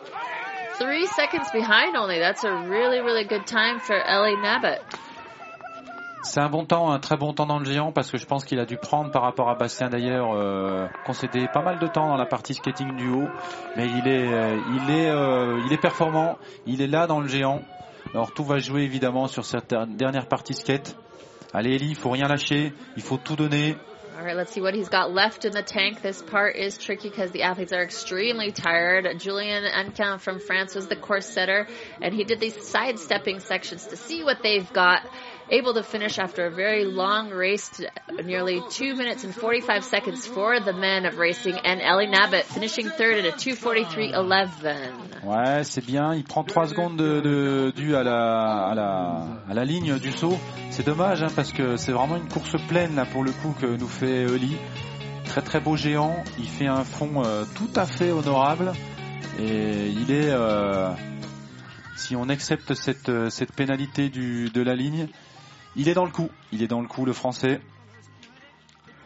Very nice run there by Lee. It looks like he tired a little bit at the end, um, but looked very solid throughout the whole GS. No mistakes, very consistent skiing. Uh, good tactics for today's classic. À suivre euh, le de Méribel, de Méribel, le français Mati Lopez. Le grand euh, Mati, le grand et costaud Mati Lopez. And it's the bomber. He's known as for his nickname, Matty Lopez. Out of the gates now, 22 years old, representing France. He had a good run yesterday, eighth place in the sprint. Alors lui, s'il tient la distance dans le fond, il est capable d'être très très vite dans le, dans le fond. S'il a l'endurance pour, euh, pour tenir euh, les 3 minutes, il peut euh, tout à fait euh, jouer les premiers rôles euh, dans cette classique et se placer, se positionner devant son compatriote Eli. On va suivre ça de très près. Allez Mati. The key for Matty in this uh, classic today is going to be the jump line and um, being able to link his GS well. Uh, Matty's had a number of injuries over the years, so uh, the jump has proved a bit difficult for him. I think if he can make the line, and he's a very strong skater, and if he can keep it upright in the GS, I think he can do well. Allez, il se laisse aller. Il se laisse aller en position de recherche assez rapidement. On va voir si c'est judicieux. Peut-être qu'il a suffisamment de glisse pour euh, adopter cette, euh, cette tactique. Allez, il reprend. Là, c'est dur. Hein, de reprendre tout de suite dans la, la partie géant. Petit mouvement de terrain. Bien, bien négocié. La partie est très sympa. C'est vraiment la, la partie, là, à mon avis, où les coureurs se font le plus plaisir. Une pente douce, petit mouvement de terrain. Vraiment euh, avoir un rythme avant de- d'arriver sur cette partie euh, plane très étroite. He's looking really smooth and in control, Tanner. What you were saying earlier, is he conserving for that last part, the second half of the race? Yeah, I think he has a bit. And also, Matty's skiing is a bit deceptive. Um, sometimes it doesn't look like the quickest. He doesn't get as many angles as some of the other guys, but he always uh, lays a really clean arc through the snow, and he gets a lot of early edge pressure. And so, even though he may not look quite as quick as like the likes of Nicolas Michel, um, he's very fast in the Yeah. GS. You can il see est right there by that And we split. could see from that split only 2.38 seconds behind uh, coming into the loom. So he's doing a really, really good time. Let's see if he can hold on to it in this skating section. The U-turn going around, pushing hard. Come on, Matty. Il prend pas la pénalité de la ligne, hein, c'est bien. Il n'a pas réceptionné télémarque, mais il économise les, les 3 secondes. C'est très bien, Mati. C'est très bien. Il va être aux avant-postes. Allez, il suffit de, de gérer ses, ses petits pas tournants. Pas évident pour un grand gabarit comme lui. Only one penalty so far for Matty. Ça va être assurément le, le meilleur français pour l'instant, je pense, en, en course. Il y a eu beaucoup, beaucoup de, de petits problèmes, euh, de petits pépins pour les concurrents précédents. Il est deuxième. Ouais, c'est très très bien. 4 secondes 74 derrière le, le monstre Bastien d'ailleurs. C'est vraiment un, un super temps de la part de, de Mati. And Bravo. he crosses in a 238.33, placing him currently in second place. Good job, Matty Lopez from France. On est très content parce que Mati il manque, euh, je pense, euh, d'entraînement. Il était pas mal euh, perturbé par des petits pépins physiques, notamment au dos sur l'entraînement euh, automnal. Mais il est en forme. Il est là, il est présent sur des courses longues et exigeantes physiquement. Donc ça, c'est vraiment un, super bon signe pour le Français. À suivre, Christian Gestal, le Norvégien. Les Norvégiens toujours dangereux sur les sur les classiques. Hein sont très très bons euh, fondeurs. Ils ont la glisse, donc à surveiller de très près. And out of the gate now we have Christian Lavik Jalstad from Norway. He took 18th in the sprint yesterday. Here he is coming into the bloom looking nice and strong. Christian's a very strong skater. Um, and the key for him today will be, well, for one, keeping his poles intact. He broke a pole yesterday. Um, so that'll make it easier for him if he keeps both of those. But, um, the biggest, uh, biggest thing for him today is just keeping it upright in the GS and linking his turns well, not pinching too much. When he gives himself a little bit more room, he tends to link his turns better, uh, arcs a cleaner turn and, uh, is faster. So let's hope he can, uh, execute all those elements. Ouais, c'est toujours beau de voir ces Norvégiens sur le sur les parties skate. C'est bien fait. On va surveiller son temps. 38-37, euh, c'est pour l'instant le, le deuxième temps, hein, le deuxième temps de- derrière Bastien d'ailleurs. Qu'est-ce qu'il a fait la différence, le Suisse, euh, sur le sur le skate? Qu'est-ce qu'il est performant? And so Jalstad in that first skating section, he has the second fastest time for the split, just for the skate behind Bastian Dyer. Pour l'instant, c'est propre. Bastien a fait un- vraiment euh, rien concédé dans le, dans le géant. Donc, euh, on va suivre de très près les, les pénalités. Pénalités au saut qui vont arriver tout de suite. Looks like Christian is chattering a little bit on those gates. You can often tell when the racers are laying a clean arc or when they're chattering around by the stability of their skis. Ouais, là, il est, Um, il you can un see right there on that red gate. Il est un petit peu en retard là sur le dès l'entrée du mur, il s'est se positionnait euh, très en retard. Il fait un saut euh, Oh, he moyen. breaks a il pole again. bâton. Oh no. Oh my word.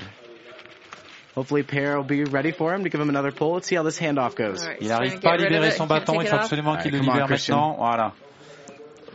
Seems like his ba- he's just a little bit rattled right now after that big jump. Il est arrivé un petit peu fatigué dans la partie finale. Il fait une, euh, une impulsion euh, très moyenne du coup sur le saut. Il se met en danger sur le saut et, et bon là c'est le c'est la totale. hein. Il casse son bâton euh, au niveau de la réception. Donc ça ça va lui ça va lui coûter cher au Norvégien. Mais c'est intéressant hein, parce que pas mal de pas mal finalement de déchets sur cette manche de, de classique. Très peu de concurrents qui pour l'instant arrivent à faire des manches pleines. And Jalstad picked up four penalty points off of the jump. Here he is crossing the line, sixth position, 248.29, 14 seconds behind the leader. Allez, on va voir si c'est là qu'il casse son bâton. Ouais, je pense que à l'im- Yeah, à the impact. You can see the À Looks impact. like he Impact on the landed a bit back seat and he put his pole down for stability. And in telemark, you can't really do that because those poles are pretty fragile. So the moment he put that pole against the snow, it just cracked. And you can see he's using the, uh, the Swix grips, which aren't the trigger system, the quick release. Um, so he had to actually untighten his um, straps to get them off, which cost him a little bit more time. il fait pas une bonne impulsion, hein. il fait vraiment une impulsion moyenne. Il regroupe euh, en l'air, ce qui lui fait perdre complètement l'équilibre. Et du coup, une réception un, un petit peu catastrophique. Allez, le Slovène, c'était le favori de Monica, il me That's semble. right. Yes, Le I don't know why, but Yuri uh, Alice, he's my favorite. But wearing bib number ten, he was third yesterday by 1.34 seconds behind Phil Lau. Let's see what he could do on the classic here today. Oh, oh, well, I know why, avant-postes, 'cause- hein. Why? Well, because Ure is uh, one of the strongest men in the classic. He uh, has a fantastic skate. And he's also really quick on step turns, as we can see in the bottom. That's proving crucial for the guys. Um, able to ability to link those turns, and also Ure uh, is one of the quickest in the GS, and he's good on the longer courses. Longer the better for him. One of the fittest guys. I think if he can execute, keep it clean, Ure can take the W today. On va regarder son temps. Il me semble que sur le, le retour tout en haut de la partie skate, il avait beaucoup de vitesse. On va regarder ça avec... euh, oui, ouais, effectivement, c'est le meilleur temps. hein. C'est le Alright. meilleur temps pour l'instant devant Bastien d'ailleurs au niveau du, du fond. Il paraît pas ce Slovène, mais il est capable d'aller très très vite euh, dans le ski de fond, notamment en classique. Ça s'est pas vérifié complètement hier dans la sprint, mais en classique, il est très très rapide.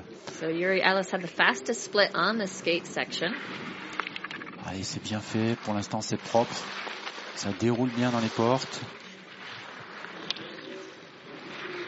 Il était présent l'année dernière dans la classique à, à Pralognan. Il était présent aux avant-postes. Euh, Je crois qu'il était deux ou trois. Il avait fait un podium. Est-ce qu'il va-t-il être capable de détrôner le Suisse Bastien d'ailleurs à travers là sur le sur cette entrée du Loom? Il perd un petit peu de temps. Par contre, c'est bien enroulé sur la rouge bleu rouge là. Parfait. C'est parfait pour le Slovène.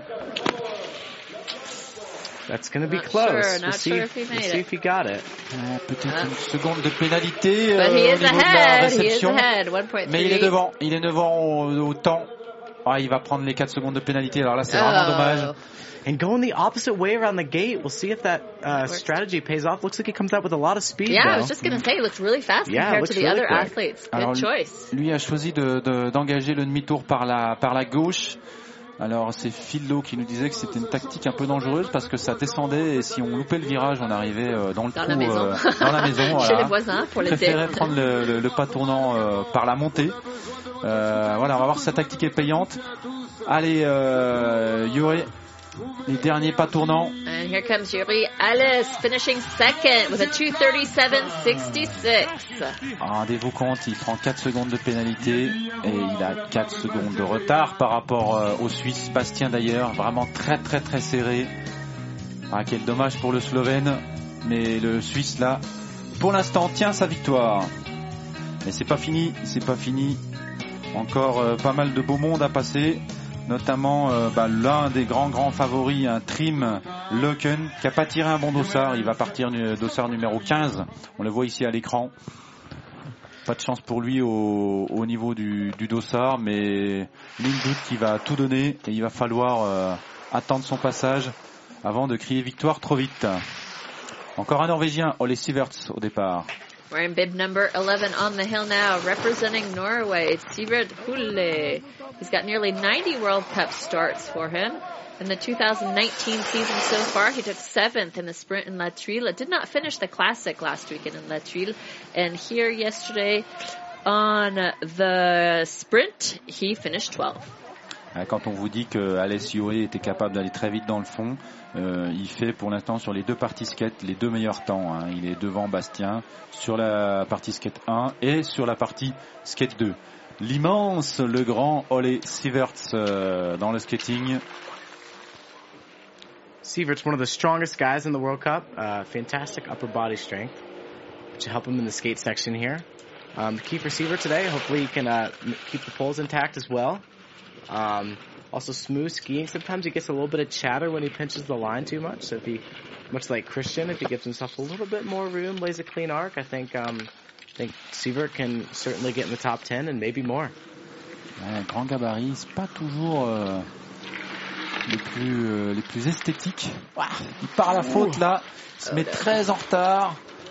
Ah, ça, ça va lui coûter cher parce qu'il perd pas mal de vitesse avant la, la partie plate. Là, Sievert is just brutalizing the gates on this course. It looks like he uh, just got a little caught up on one of them in the upper section, got uh, thrown off balance. Ah, très en retard là sur l'entrée du mur. Là, j'ai négocié cette, cette porte rouge là encore. Il se fait secouer dans ses virages, euh, ses virages gauche. Va-t-il réussir à négocier Nice le saut? Fantastic jump for Sievert. Looks like he made the, the landing certainly. We'll have to see if he makes the line. Il est une seconde, il est dans le coup, hein, il est dans le coup malgré ses multiples erreurs euh, dans la partie géant. Finalement, euh, il est vite, il est vite ce Norvégien. At the split, only 1.04 seconds behind the leader at that point, uh, which is really, really good. He's definitely in contention for the podium. Let's see what he's got. Ah, il est d'autant plus vite qu'il fait pas une partie skate euh, haut euh, fantastique, mais il reste au contact. Il a qu'une seule pénalité au saut. Il va falloir surveiller de très près. Je pense que ça suffira pas pour euh, passer devant Bastien. These skiers are going to give me a heart attack on those final gates, Monica. They're keeping their skis so close to it. Looks like they're almost looking at, but and he takes second. All right. Sivert Hole from Norway, currently in the top spots. Et la très belle course du Norvégien. Pourtant là, là, il fait une, une grosse grosse erreur. Vous voyez le, le dérapage là, comme ça tape, toutes les, le, le temps qu'il perd sur cette porte. it takes some phenomenal strength to keep the skis tracking when uh, he gets thrown wide there, and you can see his leg just moving around in the slow mo. shaking so much. He's off in the um, off in the slough outside of the race line and able to bring it back. Alors là, attention, silence total. C'est your favorite Stéphane. Matter au départ. Je veux le silence le plus total pendant la partie du géant parce Ah que ouais, c'est une pas. pure beauté ce Suisse. Regardez-moi ça là. C'est parfait. Stefan Matter's Albin's favorite skier, so we were instructed to be quiet in order to watch him. C'est vraiment un très très très beau coureur dans le géant. Bon, un petit peu plus perfectible dans le skate. On va, on va suivre évidemment son, son temps intermédiaire sur la partie skating.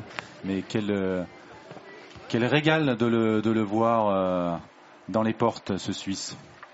and Stefan Matter finished fourth in yesterday's sprint, 1.8 behind the winner, Phil Lau. So just barely missing that top spot, podium spot. Alors sa, podium spot. sa tactique elle est claire, hein, Stéphane Matter, il va tourner loin, et, euh, il arrondit beaucoup les courbes, il va tourner loin, mais il joue la, la sécurité, il dit moi je- j'essaie d'être le plus safe possible, euh, le, plus, le plus propre possible. Ouais, là pourtant euh, il est assez euh, il est assez direct pour le coup, mais là à partir du moment où il reprend un peu de vitesse, ça enroule très très bien. Il est limite là, il a failli se faire prendre euh, le bras dans la porte. Pushing the limits here, taking a very direct line. Ah, il Yeah, a essaie more de direct than normal for Stefan. Il essaie de prendre un petit peu des risques. Il va aller tout donner, Stéphane. Ah, c'est bien fait là. Ah, c'est vraiment bien fait. On suit son, son temps. Il est, ouais, il est une seconde, une petite seconde derrière euh, Bastien au niveau du skate. On va le suivre évidemment. Là, c'est là qu'il est capable de faire de grosses, grosses différences. Stéphane Matter. Pour l'instant, c'est propre, il n'y a pas d'erreur. Va-t-il passer la ligne? Le saut semble, semble. Oh là là là là là là là là là là. C'est incroyable ce qu'il arrive à faire. Il est devant, il est loin devant. Il nous a fait une, une réception et un enchaînement de portes après le, le saut quand on pense à la fatigue qu'il doit avoir dans les cuisses, mais c'est phénoménal. Les angles qu'il arrive à prendre, les prises de quart. Là, il Oh, piétine un ooh, peu. he stepped on his, uh, looks like he got his pole caught on his ski there. Ah, il, perd, il perd un peu de temps, c'est dommage. Est-ce que ça va suffire? Il n'a pas de pénalité, hein, à la différence de, de Bastien qui avait une seconde de, de pénalité. Yeah. Que dis-je Qui avait trois secondes de pénalité sur le sur le, le saut. No penalties for Stefan Matter. Ça peut suffire, ça peut suffire, Stéphane Matter. Allez, Stéphane Matter dans la dernière partie. On est tous avec lui. Euh, C'est mon grand grand toi. favori. Moi, je suis avec lui. Allez, Stéphane Yes! Il est devant, il est devant. And he takes Ah. first place, 232 for Stefan Matter. Regardez-moi ça, oh là là là là, comme c'est beau, c'est vraiment magnifique ce qu'il arrive à faire. Ah, il est sympa en plus ce, ce coureur suisse. Beautiful skiing for Stefan. As you can see, his skiing just kept building and building and building on that run. Um, he was able to carry good speed from steep to flat back to steep again, um, maintaining a nice, beautiful round line like he does, and executing all the elements perfectly, no penalties. Beautiful run for Stefan. Et, mais que nous font les Suisses là Ils nous font 1 et 2 et 1 et 2 chez les garçons, Ah chez là les là. filles. C'est incroyable ce, ce team suisse. Quelle, euh, quelle densité chez les Helvètes en ce moment. Alors, Phil Lowe arrivera-t-il à rééditer son exploit d'hier? Ça va être plus dur. Là, pour l'instant, il a l'attaque, il donne tout, Phil Lowe. Il est un petit peu malade. Oh là là là Par la, la faute dès le début. Allez, Phil, il faut pas se déconcentrer, il faut tenir, tout donner dans la première partie skate.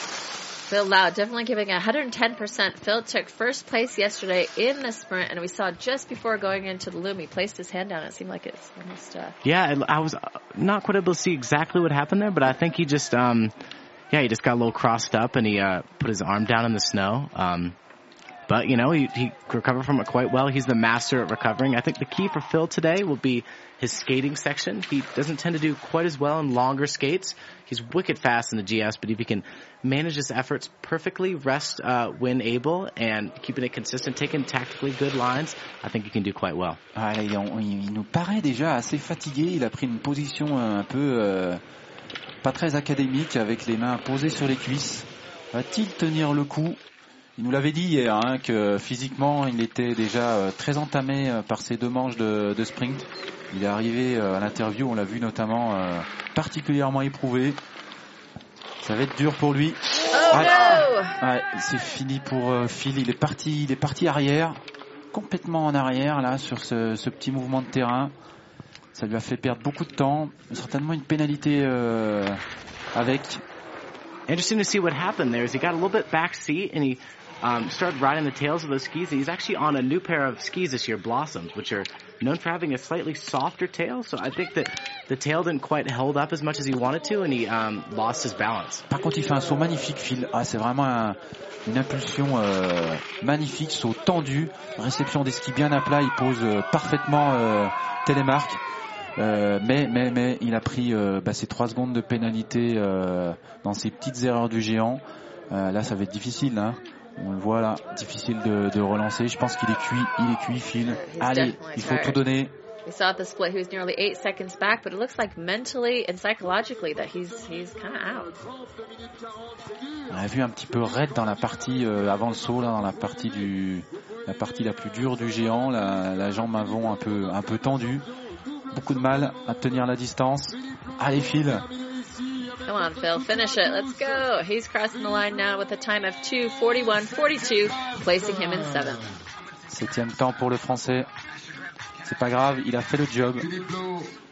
Il sait qu'il est, euh, qu'il est performant euh, en sprint, c'est l'essentiel. Il l'a montré hier. Ouais. See that ski bend in that photo right there? Phil uh, rides the fine line between being uh, the edge of aggressiveness and pushing too far, and I think today he may have just gone a little bit over that line, um, and may have been feeling it in the legs from yesterday's sprint, long sprint as well. Et le monstre, le monstre en course, Monster Amund, le Norvégien, dans la poussée du premier skating. And here we go now for Team Norway, Amund Monster Hogan. Uh, he had actually a really good run yesterday on the sprint, finishing in seventh place. And a good 2019 season thus far. Last weekend in the Classic in La Tuile, he also took seventh, and he took ninth in the sprint. Bon, pour l'instant, c'est un carton plein, un carton plein des Suisses. Par contre, euh, ben, l'équipe, le Team France, un petit peu en retrait, hein, en retrait chez les filles, en retrait chez les garçons. On est, on est mal placé pour l'instant sur euh, sur cette classique. C'est dommage. On attendait un petit peu mieux des Français euh, chez eux à Pralognan-la-Vanoise. Oh Il part vers l'avant. Il part vers l'avant au niveau de la transition. Au moment où les, les, pieds, les deux pieds passent à la même hauteur, c'est le moment critique en télémarque où vous n'avez plus aucun équilibre euh, avant-arrière. Hop là Et au moment de passer le pied euh, droit qui était derrière, de le passer devant, les deux pieds passent à la même hauteur et là il bascule complètement sur la sur l'avant. C'est dommage. Too bad for Amund who didn't even finish his race because he missed the gate. Wasn't worth stepping back up the hill. Attention, attention. Le grand favori de ce course, s'il y en a un qui peut détrôner euh, les deux Suisses aujourd'hui, c'est peut-être bien Trim. Il est, il est en forme. On sait qu'il est ultra, ultra performant. Il nous a fait des temps de skate euh, hier de malade. Il est ultra rapide sur les, sections skating. Euh, il perd pas grand chose en géant, donc euh, il va falloir le surveiller de loin. Ce Norvégien à charge de revanche, il fait pas très très belle position hier, donc sans nul doute qu'il va vouloir tout donner aujourd'hui sur la classique. Allez, c'est parti pour le Norvégien. And here it is, Trim Loken, the favorite for this event. He's wearing the leader bib. He had extremely fast split times on yesterday's sprint in the skating sections. He was definitely blowing the competition out of the water. We are really excited to see what he can do out here today. Yeah, Trim is no doubt out for revenge. Despite having the two fastest uh, raw times of yesterday, he did miss the jump line, uh, costing him a putting in position. Um, and so obviously he knows the skiing is fast after winning both the uh, races in La Tuile, and let's see what he can do today, especially with all the skating on the top section. Il a un petit peu écrasé sur la, la sortie du, du, premier loom. Alors là, on va suivre son temps, son temps de référence sur la partie skate. Capable d'aller très très très vite, ce Norvégien. See textbook skating technique right there from Trim. Forward upper body position, uh, hips forward onto the new ski, flat ski. If you watch the guys on that section, you can see the guys that uh, keep their ski the flattest when they push off are often the ones that are the quickest because uh, a flat and gliding ski is quicker than a ski on edge. Alors on vous l'a dit qu'il était, on vous avait dit qu'il était capable d'aller vite, et eh ben ça se vérifie. Il est 1 seconde 36,84 quand Bastien d'ailleurs tourne en 37,67. Donc c'est une seconde plus vite sur la première partie euh, skate que le Suisse Bastien d'ailleurs. Ça va très très très vite. And we do have confirmation for that first skating section? He was the fastest time so far on the split on the skate. À surveiller le Norvégien qui va arriver dans la partie délicate. Alors, il prend pas de pénalité, je pense, mais alors là, il perd un temps euh, très très précieux pour le géant. Looks like he got a little bit off balance. And unfortunately, Trim's at a bit of a disadvantage today. He's the last of the top 15 men. Looks like some ruts are forming in that softer snow, and looks like it caught him up a little bit. Still, he's uh, four seconds back, and I know that this man can make that up. Alors pour, euh, pour l'instant, euh, on ne voit pas apparaître de pénalité au niveau du saut. Il a les moyens, de, de à mon avis, de, de conserver son avance. Hein.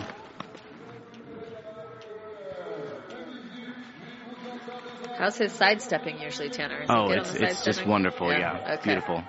All right, so Trim, uh, Trim skates a lot with his legs, um, and he most of his power comes from his legs. So you can see he's uh, pushing from one leg to the other in that section. Qu'est-ce que ça va donner? Impossible à dire pour l'instant. Il prend qu'une seconde de pénalité. Ça va être très très très serré. Woo! 232.87, second place, even with that pretty big ben error voilà. up on the, on the Il sait où il a perdu la course trim aujourd'hui sur cette euh, faute, euh, malheureuse faute dans le géant là, juste avant le, juste avant l'arrivée de la, la partie raide. C'est vraiment dommage pour lui. Bon, il avait, il avait les jambes pour euh, pour gagner aujourd'hui. Il vient s'intercaler du coup entre les deux Suisses. Premier euh, Stéphane Mater, deuxième euh, Trim Locken et troisième Bastien Dayer la course n'est pas terminée, mais là, on a quand même euh, une, un classement qui me semble euh, quasi définitif. Hein. Les grands favoris sont passés. All the big favorites have skied already, so uh, it's not over till it's over, as I like to say, because we got to give a fair chance to everybody who's taken the start. But pretty much, we think we might have our podium already with Stefan Matter in first, uh, Trim Loken in second, and Bastian Dyer in third. In the top three within one second in the classic, that is really extraordinary. Bon, les favoris sont devant, hein, sans surprise, hormis, hormis le Slovène. Euh, oh, bien, désolé, Monica. Ah, bah, il y aura d'autres courses, c'est pas grave. il n'y avait rien à gagner, il n'y a rien à perdre, hein, de toute façon. Gaëtan Procureur euh, en course. Here we go with Gaëtan Procureur from Switzerland. Very young skier, 16 years old. Oh, no, sorry, 23 years old, 16 years telemarking, and 7 years on the World Cup circuit. He's got about 70 World Cup starts to his name. Last weekend in La Trille, he took 21st in the sprint and 24th in the classic. And yesterday in the sprint, he took 16th. Ouais, Gaëtan Procureur qui, bah, qui a déjà une solide expérience en télémarque. Je me rappelle, il venait s'entraîner quand il était tout jeune. Euh, on l'avait à l'entraînement au club des Ouches. Ah, il venait s'entraîner euh, dans la section des Ouches. Alors euh, peut-être a-t-il euh, la double nationalité et passé dans le team suisse. Having raced against Gaetan uh, more than a couple times, I know he'll be looking to improve upon those uh, past couple results. Gaetan is a very strong skier, all-arounder, good in the skate, good in the jump. Um, and I think if he lays a solid one down, he certainly can get into that top 15. And last year here at uh, PLV, La Vanoise, he took 22nd in this race format of the Classic.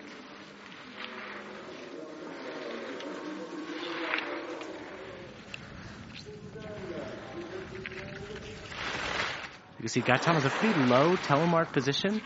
Um, that tends to uh, cost the racer a little bit more energy. Um, so we'll see how he uh, how he does in this final section, having been in that lower position. Ah, cette piste, ont des, cette piste de la combe des, des lieux qui est magnifique, hein, magnifique avec ses, ses parties planes où on peut euh, intercaler des, des parties de ski de fond. Il n'est pas spécialement raide en soi, mais, finalement euh, très compliqué à négocier parce que la petite partie raide finalement se trouve dans la partie finale, là où les cuisses brûlent le plus, là où les coureurs ont le plus de mal à, poser leur technique. C'est là que vous avez euh, les trois portes dans le raid et le saut à négocier. Donc ça la rend euh, particulièrement difficile. Et puis ce, fond là, euh, dès le début de la course, qui vous fume littéralement les jambes pour tout le restant de la course. Et quand même, hein, alors, euh, Tanner, tu pourras nous dire sur les formats de course, euh, sur les autres classiques, si ça dure aussi longtemps, mais des temps de course de 3 minutes, ça fait quand même très long. Tanner, for these classic distances, for the classic formats, three minutes is really starting to get long. You're an expert in it. You've raced it on the World Cup circuit now. Three minutes, is that really pushing the top timing in regards to how long this race can last? Um, from my experience, yeah, uh, the longest one I've done is three three ten, I believe. I don't Okay. believe there's a limit on time, but there is a limit on vertical height of the GS portion, and there's also a limit on the percentage that can be skate slash yellow.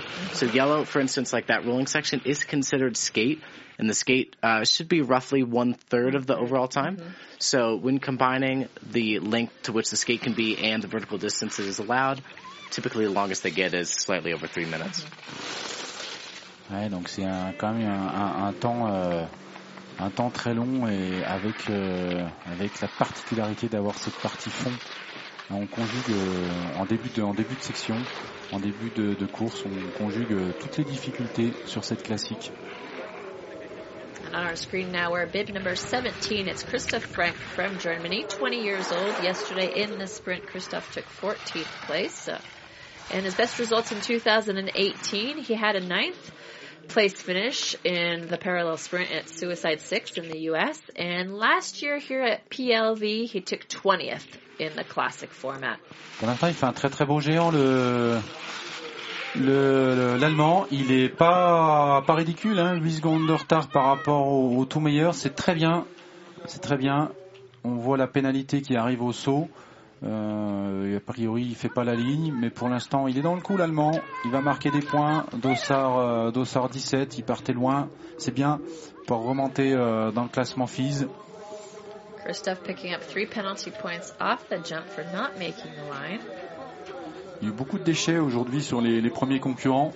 Donc euh, il faut terminer, il faut terminer propre. Il va être placé, l'Allemand. Allez Christophe. Oh, que c'est dur.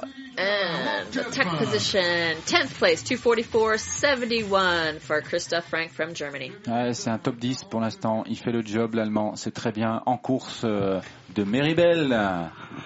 Très fluet, très fin. Il s'agit de Adrien Etiévan. Adrien Etiévan from France, a young 20 years old. This is his second year on the World Cup circuit.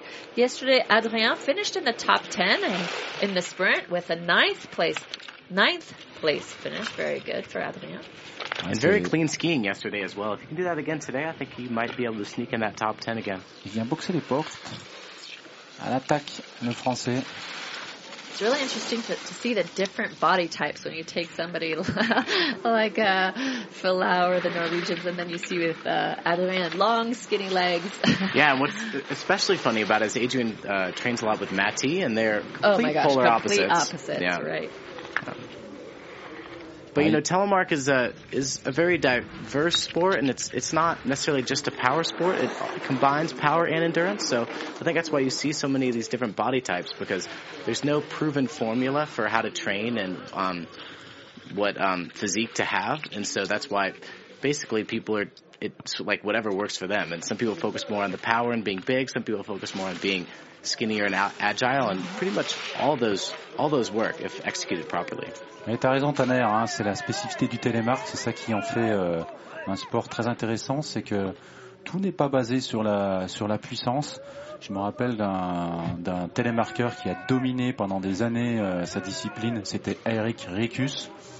Euh, il était tout fin, tout fluet, Ricus, mais il nous faisait des temps de malade euh, dans le géant. Il était euh, imprenable dans, le fond, il sautait euh, comme un chat.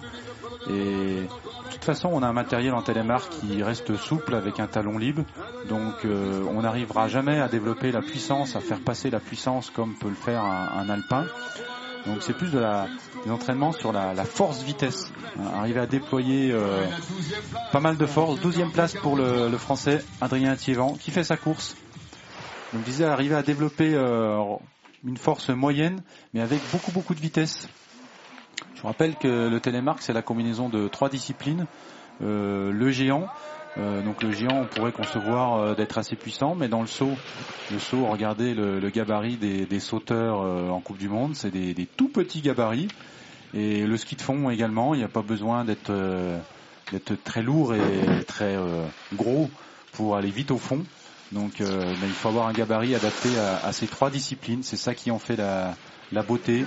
Il faut être polyvalent pas seulement bon dans une euh, discipline, mais être euh, irrépro- irréprochable dans les trois disciplines. Le fond, l'alpin et, et le saut.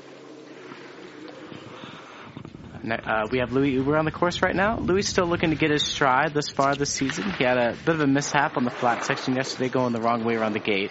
Um, I know he was not too pleased with that result, but I've seen this man train a lot, and I know he has wicked top end speed, and he's been able to keep um, pretty consistent flow through this top section. And uh, if he can throw a good skate and wonderful landing right there, uh, I Très beau think we saut can get a good d'avant, result here. Très très beau saut de, de Louis Huber.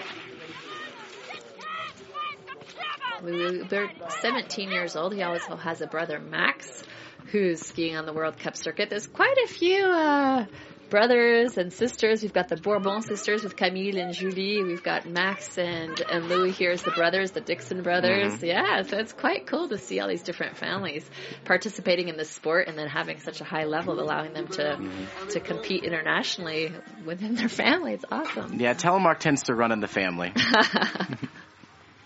How about you? Have any family members? Um, well, actually, who are- I am unique because I'm the only one. So. Ah. but I tried to teach my sister how to telemark, and you know, she was patient enough with me. Um, I think if she had a proper teacher, she would have enjoyed it a little bit more. But um, I think she could get interested in it if Yeah. she tried it a little bit. C'est bien, longer. comme ça tu es sûr de pas être battu par ton frère. hein.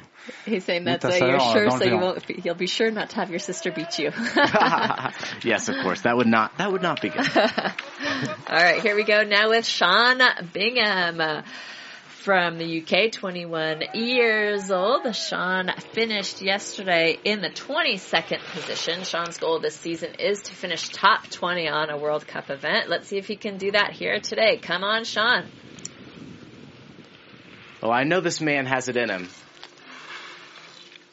he's got a pretty, um, he does a lot with his upper body. Um, but you know, it's really important to focus on what he does with his lower body, and he gets very good hip angulation when he's skiing on point, and when he hooks his skis up early, and he doesn't chatter as much and or pinch the line, um, he can ski really quickly. Ouais, qui perd un petit peu le contact ski, ski neige là, qui travaille beaucoup euh, en dissociation. On le voit qui vient placer le buste euh, en dissociation euh, au niveau du passage de la porte. Allez, il est dans le dur là dans la partie difficile. Pour l'instant, il n'y a pas d'erreur majeure. Zéro pénalité pour l'instant au compteur. Attention sur le saut. Well executed landing right there for Sean. Un petit peu raide là sur la, sur la jambe avant, un petit peu en arrière. Ça doit commencer à brûler au niveau des jambes. Là, il du mal à relancer, tout de suite de la vitesse. Il prend euh, la pénalité sur la ligne, mais sinon ça reste un run euh, très propre. Allez, là, là il faut tout donner. Um, uh, training with Sean, I know that the classic's not his favorite discipline. He prefers the the shorter races, um, but he looks to be skiing quite well. And he's only uh, he's gotten the three seconds for the for the uh, excuse me for the line, but no gate penalties thus far.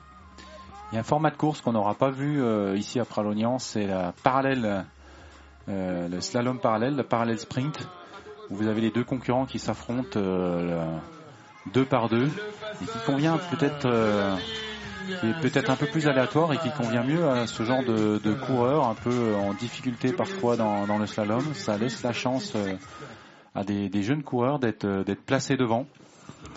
Allez, le Norvégien euh, un peu atypique euh, ici en course. Il a, il a chuté hier. Il n'a pas été heureux pour l'instant. Va-t-il réussir à faire une manche pleine? Alors on l'a pas vu dans la première partie skating. C'est coupé maintenant. And we have Brag Osen Jølberg from Norway on the hill now. Yesterday, Jølberg finished 28th uh, for the sprint event, 22nd last weekend for the classic in La Tuile, and 22nd for the sprint in La Tuile as well. He's new to the World Cup circuit. This is only his first season, uh, and this is his third, fourth World Cup start. Ouais, il a besoin encore d'un petit peu de d'affiner sa technique en géant. Un peu fébrile euh, au niveau des pieds. Là, il vient de complètement exploser la porte, euh, la porte rouge. On va voir ce que ça va donner dans la, la partie. Ouais, mal à poser son télémarque là dans le dur, avec la fatigue en plus. You can see that gate panel was no match for this man on the top section, just completely blowing it away. Il semble qu'il prend quand même pas mal de pénalités sur les, les virages, euh, les virages gauche, jambe droite devant là dans le mur. On va regarder ce que ça donne. Allez, c'est là qu'il faut être rapide. On voit son coach euh, qui l'encourage. Voilà, donc il prend deux secondes de pénalité. Je pense qu'il les prend dans le dans le mur juste avant le saut. Et puis la ligne mal négociée. Five penalties thus far. Um, those are certainly not going to help his chances, but uh, he is still pushing hard through this lower section. And he's gaining experience, like I said earlier. Yeah. This is only his fourth World Cup start, so these kids are out there. They're learning every time, every single time they take this start. I'm sure they're they're gaining something more experience for the next time around. And uh, no, I'm happy for him. And he, he's the one with the with the funny haircut. I don't know if The you funny saw. haircut, yeah, yes. he's Yes, rookie. indeed. Yep. They hazed this boy, unfortunately. So I don't know if we're going to get a shot with him with his helmet off, but it's definitely worth seeing. Well, I think I think the biggest lesson he learned today is how brutal the classic really is. yeah. En course, euh, nous avons euh, l'Allemand, dossard euh, 22, Maximilian Huber, le frère de Louis Huber. That's right. We were talking about the brothers and the family situation. Here we are with Max Uber now. We saw Louis skiing earlier. Now it's Max's turn, 22 years old from Germany. Max yesterday finished the sprint in 24th place. Les Allemands qui n'ont pas de top skieur euh, chez les garçons. Il y a Johanna Holzmann qui est capable de jouer les premiers rôles chez les filles. Chez les garçons, une équipe beaucoup plus jeune. Mais voilà, il faut euh, arriver à quelques années pour que ces, ces jeunes télémarqueurs euh, puissent accéder euh, au plus haut niveau, se forger un petit peu d'expérience. Pour l'instant, c'est très bien fait. Max does have over 60 World Cup starts to his name. When we asked our athletes, uh, you know, what their personal strengths are and the weaknesses, Max definitely says his personal strength is the ski and a good skate technique. So we'll see how his skate technique holds up here today. And his weakness is he wants to keep it a secret, not reveal that. So. On l'a vu prendre une pénalité dans le, la partie plate là, euh, une partie plane, mais qui finalement pose beaucoup de soucis. A pas mal de coureurs. On a vu pas mal de, de déchets avant ce, mur final. C'est une partie qui, tourne euh, finalement beaucoup. Euh, on arrive avec euh, pas mal de vitesse et, la fatigue et pas mal de, de coureurs pour l'instant se sont fait prendre sur cette sur cette section. Allez, Uber, Maximilian dans la partie skate. And Max picking up four penalties off of the jump. So yeah, I think we can say maybe his weakness for today's race was the jump anyways. 5 secondes de pénalité pour l'Allemand. Yeah, Avec for sure. toujours en tête, je vous le rappelle, le Suisse Stefan Matter devant le Norvégien Trim Loken, suivi en troisième position, à nouveau du Suisse Bastien Tailleur. Deux Suisses euh, sur le podium chez les garçons et deux Suissesses qui font 1 et 2 chez les filles. 21e position pour euh, l'Allemand. Il est épuisé l'Allemand. And Max Uber finishing 21st. Next up, his Encore un Allemand. teammate, uh, Julian Suber, 21 years old from Germany. Julian Söber. This man might be a dark horse for the top 10 today. He skied very well yesterday. Um, and he skied clean as well. He's brimming with confidence after a pretty bad crash in La Tuile. And let's see what he can do. Hopefully he can keep it upright. Ouais, un, un géant beaucoup plus agressif que son prédécesseur. C'est très propre ce qu'il fait, c'est dynamique. Ah, petit mouvement de terrain là qui a failli euh, le déséquilibrer, c'est bien récupéré. Pour l'instant, c'est propre ce qu'il fait l'allemand. Il y a de l'intensité, c'est très souple, c'est joli, ça tourne rond. Pas d'erreur majeure pour l'instant, là c'est bien fait sur cette rouge, bien enroulé. On va le voir arriver dans la partie euh, finale du mur. Là, il va tourner loin. Est-ce qu'il arrive à garder suffisamment de vitesse? Après, c'est raide, hein, donc euh, on arrive à reprendre de la vitesse assez facilement. C'est pas trop problématique. Là, il, il a est derrière. seat on that jump.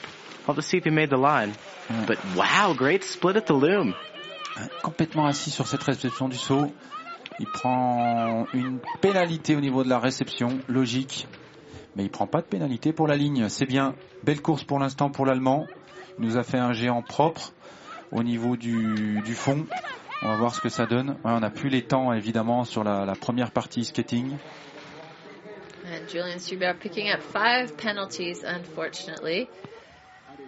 Let's see him finish into the final stretch here. These last side steps, they he- are tired right now, but they need to dig deep, really give it all they've got to finish strong and come across that finish line with the best time possible. Allez Julian, on le voit dans la dernière porte, il faut tout donner. C'est une belle course pour l'instant. Il est 15e Julian. C'est bien, il peut être content de lui, il fait une belle course, il va récupérer des points par rapport à son classement FIS. C'est très positif pour lui. À suivre le Suisse euh, Maxime Mossé. Maxime, euh, pas encore de, top 10 en Coupe du Monde. 33 départs, un peu plus d'une trentaine de départs euh, en Coupe du Monde. Il était 20e, euh, 20e à la classique, 20e euh, à la sprint de la tuile. And 20 is definitely Maxime's lucky number. He finished 20th in the sprint yesterday, and last weekend in La Tuile he finished 20th in the classic and 20th in the sprint in La Tuile. Let's see if he can get a top 20 here today for the classic here in PLV. On a vu le juge de porte euh, lever le petit drapeau jaune là sur la droite, donc euh, logiquement on devrait voir apparaître au moins une pénalité. Voilà, ça y est, elle apparaît à votre écran. Je vous rappelle que la, la règle c'est d'avoir euh, une longueur de chaussure euh, d'écart entre le pied avant et le pied arrière. The biggest takeaway from that, Monica, is consistency. He's clearly shown that he's able to ski consistent. And, you know, he might not be tapping into that top end speed that he might want to get a little bit further up the rankings, but as long as he keeps skiing consistent and then starts to take a little bit more risk with Yeah, each subsequent each race. learning something, and then Yeah. pushing a little bit more, pushing a little bit more. No, it's Exactly. good. 13 secondes de retard pour l'instant pour le Suisse. Donc si on en revient au système de pénalité, euh, du coup vous avez placé au bord de la piste un juge euh, au niveau de chaque porte. Il faut vraiment être placé euh, pile sur le, le- le côté hein, latéralement pour pouvoir euh, voir euh, si le coureur a ou pas une longueur de chaussure de différence entre le pied avant et le pied arrière. Donc cela nécessite euh, ben, de former des juges euh, pour être capable de, de techniquement de, de voir s'il y a pénalité ou pas et de positionner des juges, autant de juges qu'il y a de portes, tout simplement. Yeah, we can go back on that a little bit. We didn't really discuss in regards to how these racers are getting penalties. So, um, okay, he's finishing 19th, so top 20. All right, yeah. 19e temps pour le Suisse. So just to go back to the the the rules a little bit for those of you who are joining us in telemark skiing, you do have to have one boot length between the front of the boot and the back of the boot. Yeah, the, the heel, the forward, and the, the toe, the backward, exactly. And we have gate judges who are present every two to three gates who are there to verify, to monitor, and if they see that the athlete does not have that foot positioning correct, then they put up their arm, and that's where we get the penalties that we see on our screen. And another uh, important thing to keep in keep in mind is it's not just that boot length; it's about a smooth transition as well. So you see, many of these athletes they're very dynamic in their skiing, and they they only have that boot length for maybe 20% of the turn, and they're really always transitioning, and that's honestly the quickest way to ski. A little bit risky, but very quick. So in that uh, transition, they have to keep it smooth, and they can't pause. Because that looks like Alpine, right? And then Exactly. they pick up another penalty. Yeah, so if they hit a cross route and they're like transitioning out of telly and they just pause a little bit, that's a penalty. And also they can't pause an alpine to uh, increase their glide in like a flat section, for instance. They have to continue transitioning. Oui, donc euh, ce que disait Tanner, hein, c'est que la transition doit se faire euh, en un seul mouvement, de manière fluide, et on n'a pas le droit, même après avoir fait une, une transition, euh, une fente bien négociée, de revenir en position alpin. C'est pénalisable. La transition se fait en une seule fois, euh, sans revenir en passage alpin euh, au milieu. Allez, le Suisse euh, dans la dernière partie skate, avec 6 secondes de pénalité pour l'instant. Valentin Roduit Valentin Rodri, uh, 19 years old, uh, skiing for Switzerland here. He comes into the final skating section. He's picked up six penalties thus far on his race. Valentin has about uh, 21 World Cup starts to his name. The first one back in 2016 in the Contamine in France. Mais l'importance dans les, au niveau de l'entraînement de, bien s'entraîner sur les parties skating, alors, c'est évidemment de- important de s'entraîner en skate, mais de s'entraîner sur des parties tournantes. On a de, plus en plus de, parties skating tournantes. Il suffit pas de générer de, la force et de la vitesse sur des, lignes droites, mais d'être capable de, faire des pas tournants, euh, des zigs et des zags euh, dans tous les sens. euh, tout en gardant de la, souplesse, de la disponibilité et de la vitesse. C'est ça qui est, difficile avec, euh, je rappelle, du matériel, euh, des chaussures notamment euh, relativement rigides et des skis lourds. Hein, ça reste des skis d'alpin. En course, le Britannique Louis Hatchfell qui est tombé hier, qui a tout simplement bah, cassé ses fixes. hein. Yeah, we see Louis Hatchell now skiing for the UK yesterday on the sprint. Unfortunately, he broke a binding. That's a problem that Louis does have quite often. He often breaks out of his skis. The gear just han- can't handle his power. Yeah, and I, my heart is racing right now for Louis. I'm really holding my breath because he has uh, very uh, quick. He's a very quick skier, and he has the potential to get in the top ten if he lays down a really fast run. Um, but he just has so much equipment issues, and he's often very hard on his edges. He might he pressures a little bit too much at once. Um, he's on a new setup this year. Um, he made some adjustments last night. He actually completely blew out of his binding yesterday, mid-turn. Yeah, yeah. It's right là- in this section coming up here. Il est en difficulté là, le Britannique. Il est en grande grande difficulté avant la, la, la, période, la, la partie raid. Bon, pour l'instant, en tout cas, les fixations tiennent. Euh, Est-ce qu'il a changé de matériel? Euh, Est-ce qu'on lui a passé une paire de skis Il avait une paire de skis de rechange. J'arrive pas à voir s'il a toujours le même système de fixation. Euh, je rappelle, c'était le système Mejo qu'il avait hier, avec lequel il a eu un, un petit problème technique, un gros problème technique. Uh, Louis is also a personal trainer, so he's very fit. He has a lot of strength. That should help. Ooh, it looks like he took the wrong line. He set up a little bit too high for that uh, yellow gate right there. Il a failli louper la porte euh, à la sortie, du, la sortie de la partie skate. Manque de lucidité. Ça doit commencer à, à brûler les jambes. Allez, Louis. All right, Louis picking up seven penalties over this race, but here he comes across the finish line, pushing hard with a time of 255.80.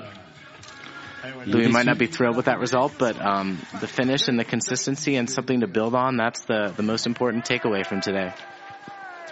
And that he didn't break anything. And nothing is we broken. can breathe now, Tanner. We can breathe. C'est une bonne course, c'est une bonne course pour lui. Il est arrivé euh, avec tout son matériel sur la ligne d'arrivée. Allez, en course, euh, le français, l'un des derniers Frenchies euh, de la French Team, Baptiste Flamand. And Baptiste Flamand wearing bib number 27, 18 years old. He finished 23rd yesterday in the sprint. So new to the World Cup circuit. He only has eight World Cup starts to his name. Alors là, on arrive sur des coureurs qui ont quasiment euh, pas couru ou pas couru du tout. Ah, il a cassé Oh, son He's bâton. Oh my Déjà un word. bâton de cassé pour, euh, pour Baptiste. Alors, il va finir euh, la partie géant évidemment, mais il va falloir que son entraîneur, son coach euh, lui redonne tout de suite un bâton à la sortie du loom. How difficult is it to ski with the pole through the giant gates? I mean, it's flail, flailing all around. Can you get Honestly, it? it's better to have the broken pole still attached. Maybe not flailing, but the piece he has right now Right, that right, is that actually piece. helping his balance. But the part that was broken and flailing, it looked a bit sketchy. That, that can cause some issues, but honestly, for me, skiing with only one pole is much more course. difficult because you don't have that counterbalance. Ouais, c'est une question de. On a l'habitude de skier avec les deux bâtons évidemment, donc ça change complètement la, la perception qu'on en- qu'on a. Même si en fait on plante pas le bâton, hein, c'est toujours bien de, de l'avoir. Voilà, Julien qui lui repasse le bâton à la sortie du, du loom. Il perd finalement pas tant de temps que ça sur le sur le skating euh, à cause du bâton. C'est jamais vraiment euh, sympa de, de faire euh, les trois quarts du géant avec la sensation d'avoir un bâton en moins dans la main. He had pr- quite a few broken poles today. on Yeah, indeed. Yeah, um, I believe three, in fact. Yeah, you almost always have at least one per race. Alors si c'est tous des bâtons carbone, how much does it cost one uh, one carbon sticks? It depends on how light the pole is, but certainly it can cost over 200 euros Oh wow! Yeah. for the pair. 258.92 for Baptiste Flamand. Donc l'intérêt pour le coach d'avoir euh, le stock de bâtons, on les, on les voit d'ailleurs hein, avant le départ de la course, il se positionne à la sortie du loom avec un, stock de bâtons de rechange au cas où, et vous voyez que ça sert. Alors euh, en course, euh, le Britannique franco-germanique Colin Dixon A multinational Colin Dixon on the hill now, wearing bib number 28, but officially skiing for Team Great Britain. Ouais, Colin qui est une maman, euh, une maman allemande, un papa euh, britannique, mais qui vit en France. Donc euh, chez les Dixon, euh, en général, le, le repas commence en français. Au plat de résistance, on passe en allemand et on fait le dessert en anglais. Il switch comme ça d'une langue à une autre, c'est impressionnant. Il a son petit frère aussi qui, qui court, mais qui est pas là, qui est resté à l'université en Angleterre. Il n'a pas eu la chance de pouvoir être euh, présent. Colin is also the mastermind of the Instagram page Telemark Memes. I highly encourage you all to uh, look this page up in your spare time. Ooh, it's what is very, it? Tell us yeah, about it's it. um, it's memes based on telemark skiing, uh, largely racing, and um, it's quite funny. You, you don't have to be a um, racer to enjoy the humor. Um, it's just good all around fun. He does he plays off of uh, different countries. Like he'll have a Italian telemarker with noodles as their skis, or a French telemarker with baguette. um, it's quite funny. I highly encourage you to uh, look What's this it called up. again? Telemark memes. Telemark Memes. Yes. All right. I'll look that up later. Yeah. tonight. Ah, Colin I, I hope that Colin is not going to uh, be upset with me for revealing that, but the, the information has been getting out, so I figured it was about time that it, uh, Share it with the world. yeah, officially share it with came out. So you may have a discussion with me later. But as you can see, Colin is uh, powering very well through the skate section. He's one of the stronger skaters. He uh, he often skates. Uh, his skate splits are often in the top ten in the World Cup. Um, Hey. so let's see what he can do today. C'est vrai qu'on l'a vu là relancer euh, très bien à la sortie du, du skating alors qu'il paraissait complètement effondré dans le géant. Je pense qu'il euh, il finit très éprouvé, mais euh, malgré cela, il arrive à rester propre. Il fait un, très très bon parcours fond. C'est bien là ce qu'il fait Colin. And Colin finishing 27th with a 302.26. Ah, Colin qui, qui doit vraiment progresser dans le géant parce que dans le fond il est, il est plutôt, euh, plutôt propre. Il a de la vitesse. Alors là on suit euh, l'un des derniers concurrents, le dossard numéro euh, 29 We have Nikolai, 29, Nikolai our Isayev, le Suisse. Ouais, c'est le concurrent euh, russe. Alors concurrent russe qui, qui vit quand même, euh, qui vit en Suisse euh, à côté de Zurich, donc il peut s'entraîner euh, avec le team suisse. And, and I apologize. Um, I did make a mistake earlier. He actually is from uh, Engelberg, and he uh, his brother Nikita made a point of uh, correcting that for all of us.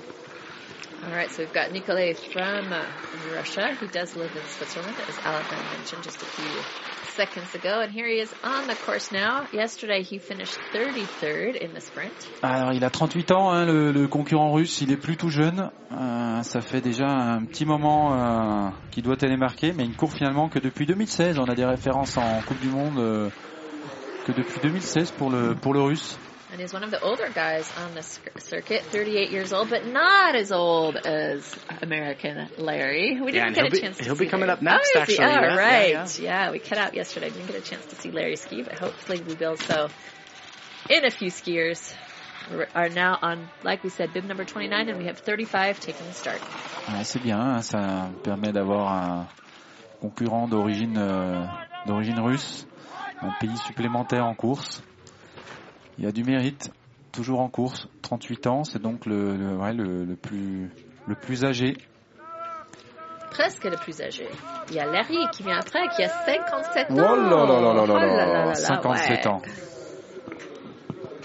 You can uh, hear Seb, uh, the Great Britain coach, cheering him on. Nikolai has joined us, uh, me and team English speaking, um, as well as team Czech. It's a multinational team with Seb. Seb is uh, a very generous coach. He uh, provides feedback and coaching to many nations. Um, but you can see him yelling for Nikolai right there. And so does Nikolai come over to uh, the Chamonix Valley to train with you guys? Um, actually, he comes to Hintertux early in the season when we're up on the glacier. Oh, I see. Okay, Mhm. for the training camp? Yeah, and it's a, it's a little bit uh, closer for him. C'est vrai qu'on voit au- qu'autour de cette euh, de ce team euh, britannique se greffent euh, beaucoup de, de coureurs euh, euh, anglophones. Ben, c'est bien parce que ça permet de pour euh, des coureurs un peu esselés dans des nations euh, comme euh, la Russie ou parfois des, Américains de venir s'entraîner euh, avec un, top team, euh, avoir un coach euh, et avoir vraiment de bonnes conditions pour euh, pour s'entraîner. And before we cut out, I'm going to interrupt you really quickly, Mm. Because it's Larry, Larry from the U.S. Once again, 57 years old. I think this is absolutely phenomenal that he's out here Mhm. skiing with us in Europe. This is the first time he's skiing World Cup in Europe. He took part in some races back in the U.S. Uh, um, and he did all right actually, finishing in the top between 24 and 27 positions. So go, Larry, go. Yeah, I think the key for Larry today will be to keep breathing il nous reste- and to try to save enough energy as possible for that final skate. Il nous reste une minute. euh, je ne sais pas si on va avoir le temps de, finir euh, la descente euh, de l'américain Larry Bosch avant de repasser l'antenne au, studio. On va essayer de, de voir le plus longtemps possible sa descente à l'américain. 57 ans. Il a du mérite. Il a du mérite. En tout cas, on remercie vraiment Pralognan Lavanoise pour euh, cette organisation euh, impeccable de la Coupe du Monde avec Samantha Roland, la, grande euh, chef au niveau organisation, qui ne ménage pas son énergie pour nous préparer, et nous organiser une, compétition de, de toute beauté chaque année. Vraiment magnifique, magnifique week-end qu'on aura passé à Pralognan. And yeah, we're going to be cutting back to the studio in just a second, so we'd like to take this opportunity. Thank you guys for joining us, watching us live here in Pralayon-la-Vanoise. Thank you to Alban, to Tanner, and to Jan. It was a pleasure working with you guys over the course of this weekend. And a big thank you to Samantha Roland, who has done literally everything to make this event take place here in Pralognon. She's the, or, the face of the organizing here in PLV. Merci à vous tous et bonne glisse, bonne saison. 3 minutes 10 seconds to 21.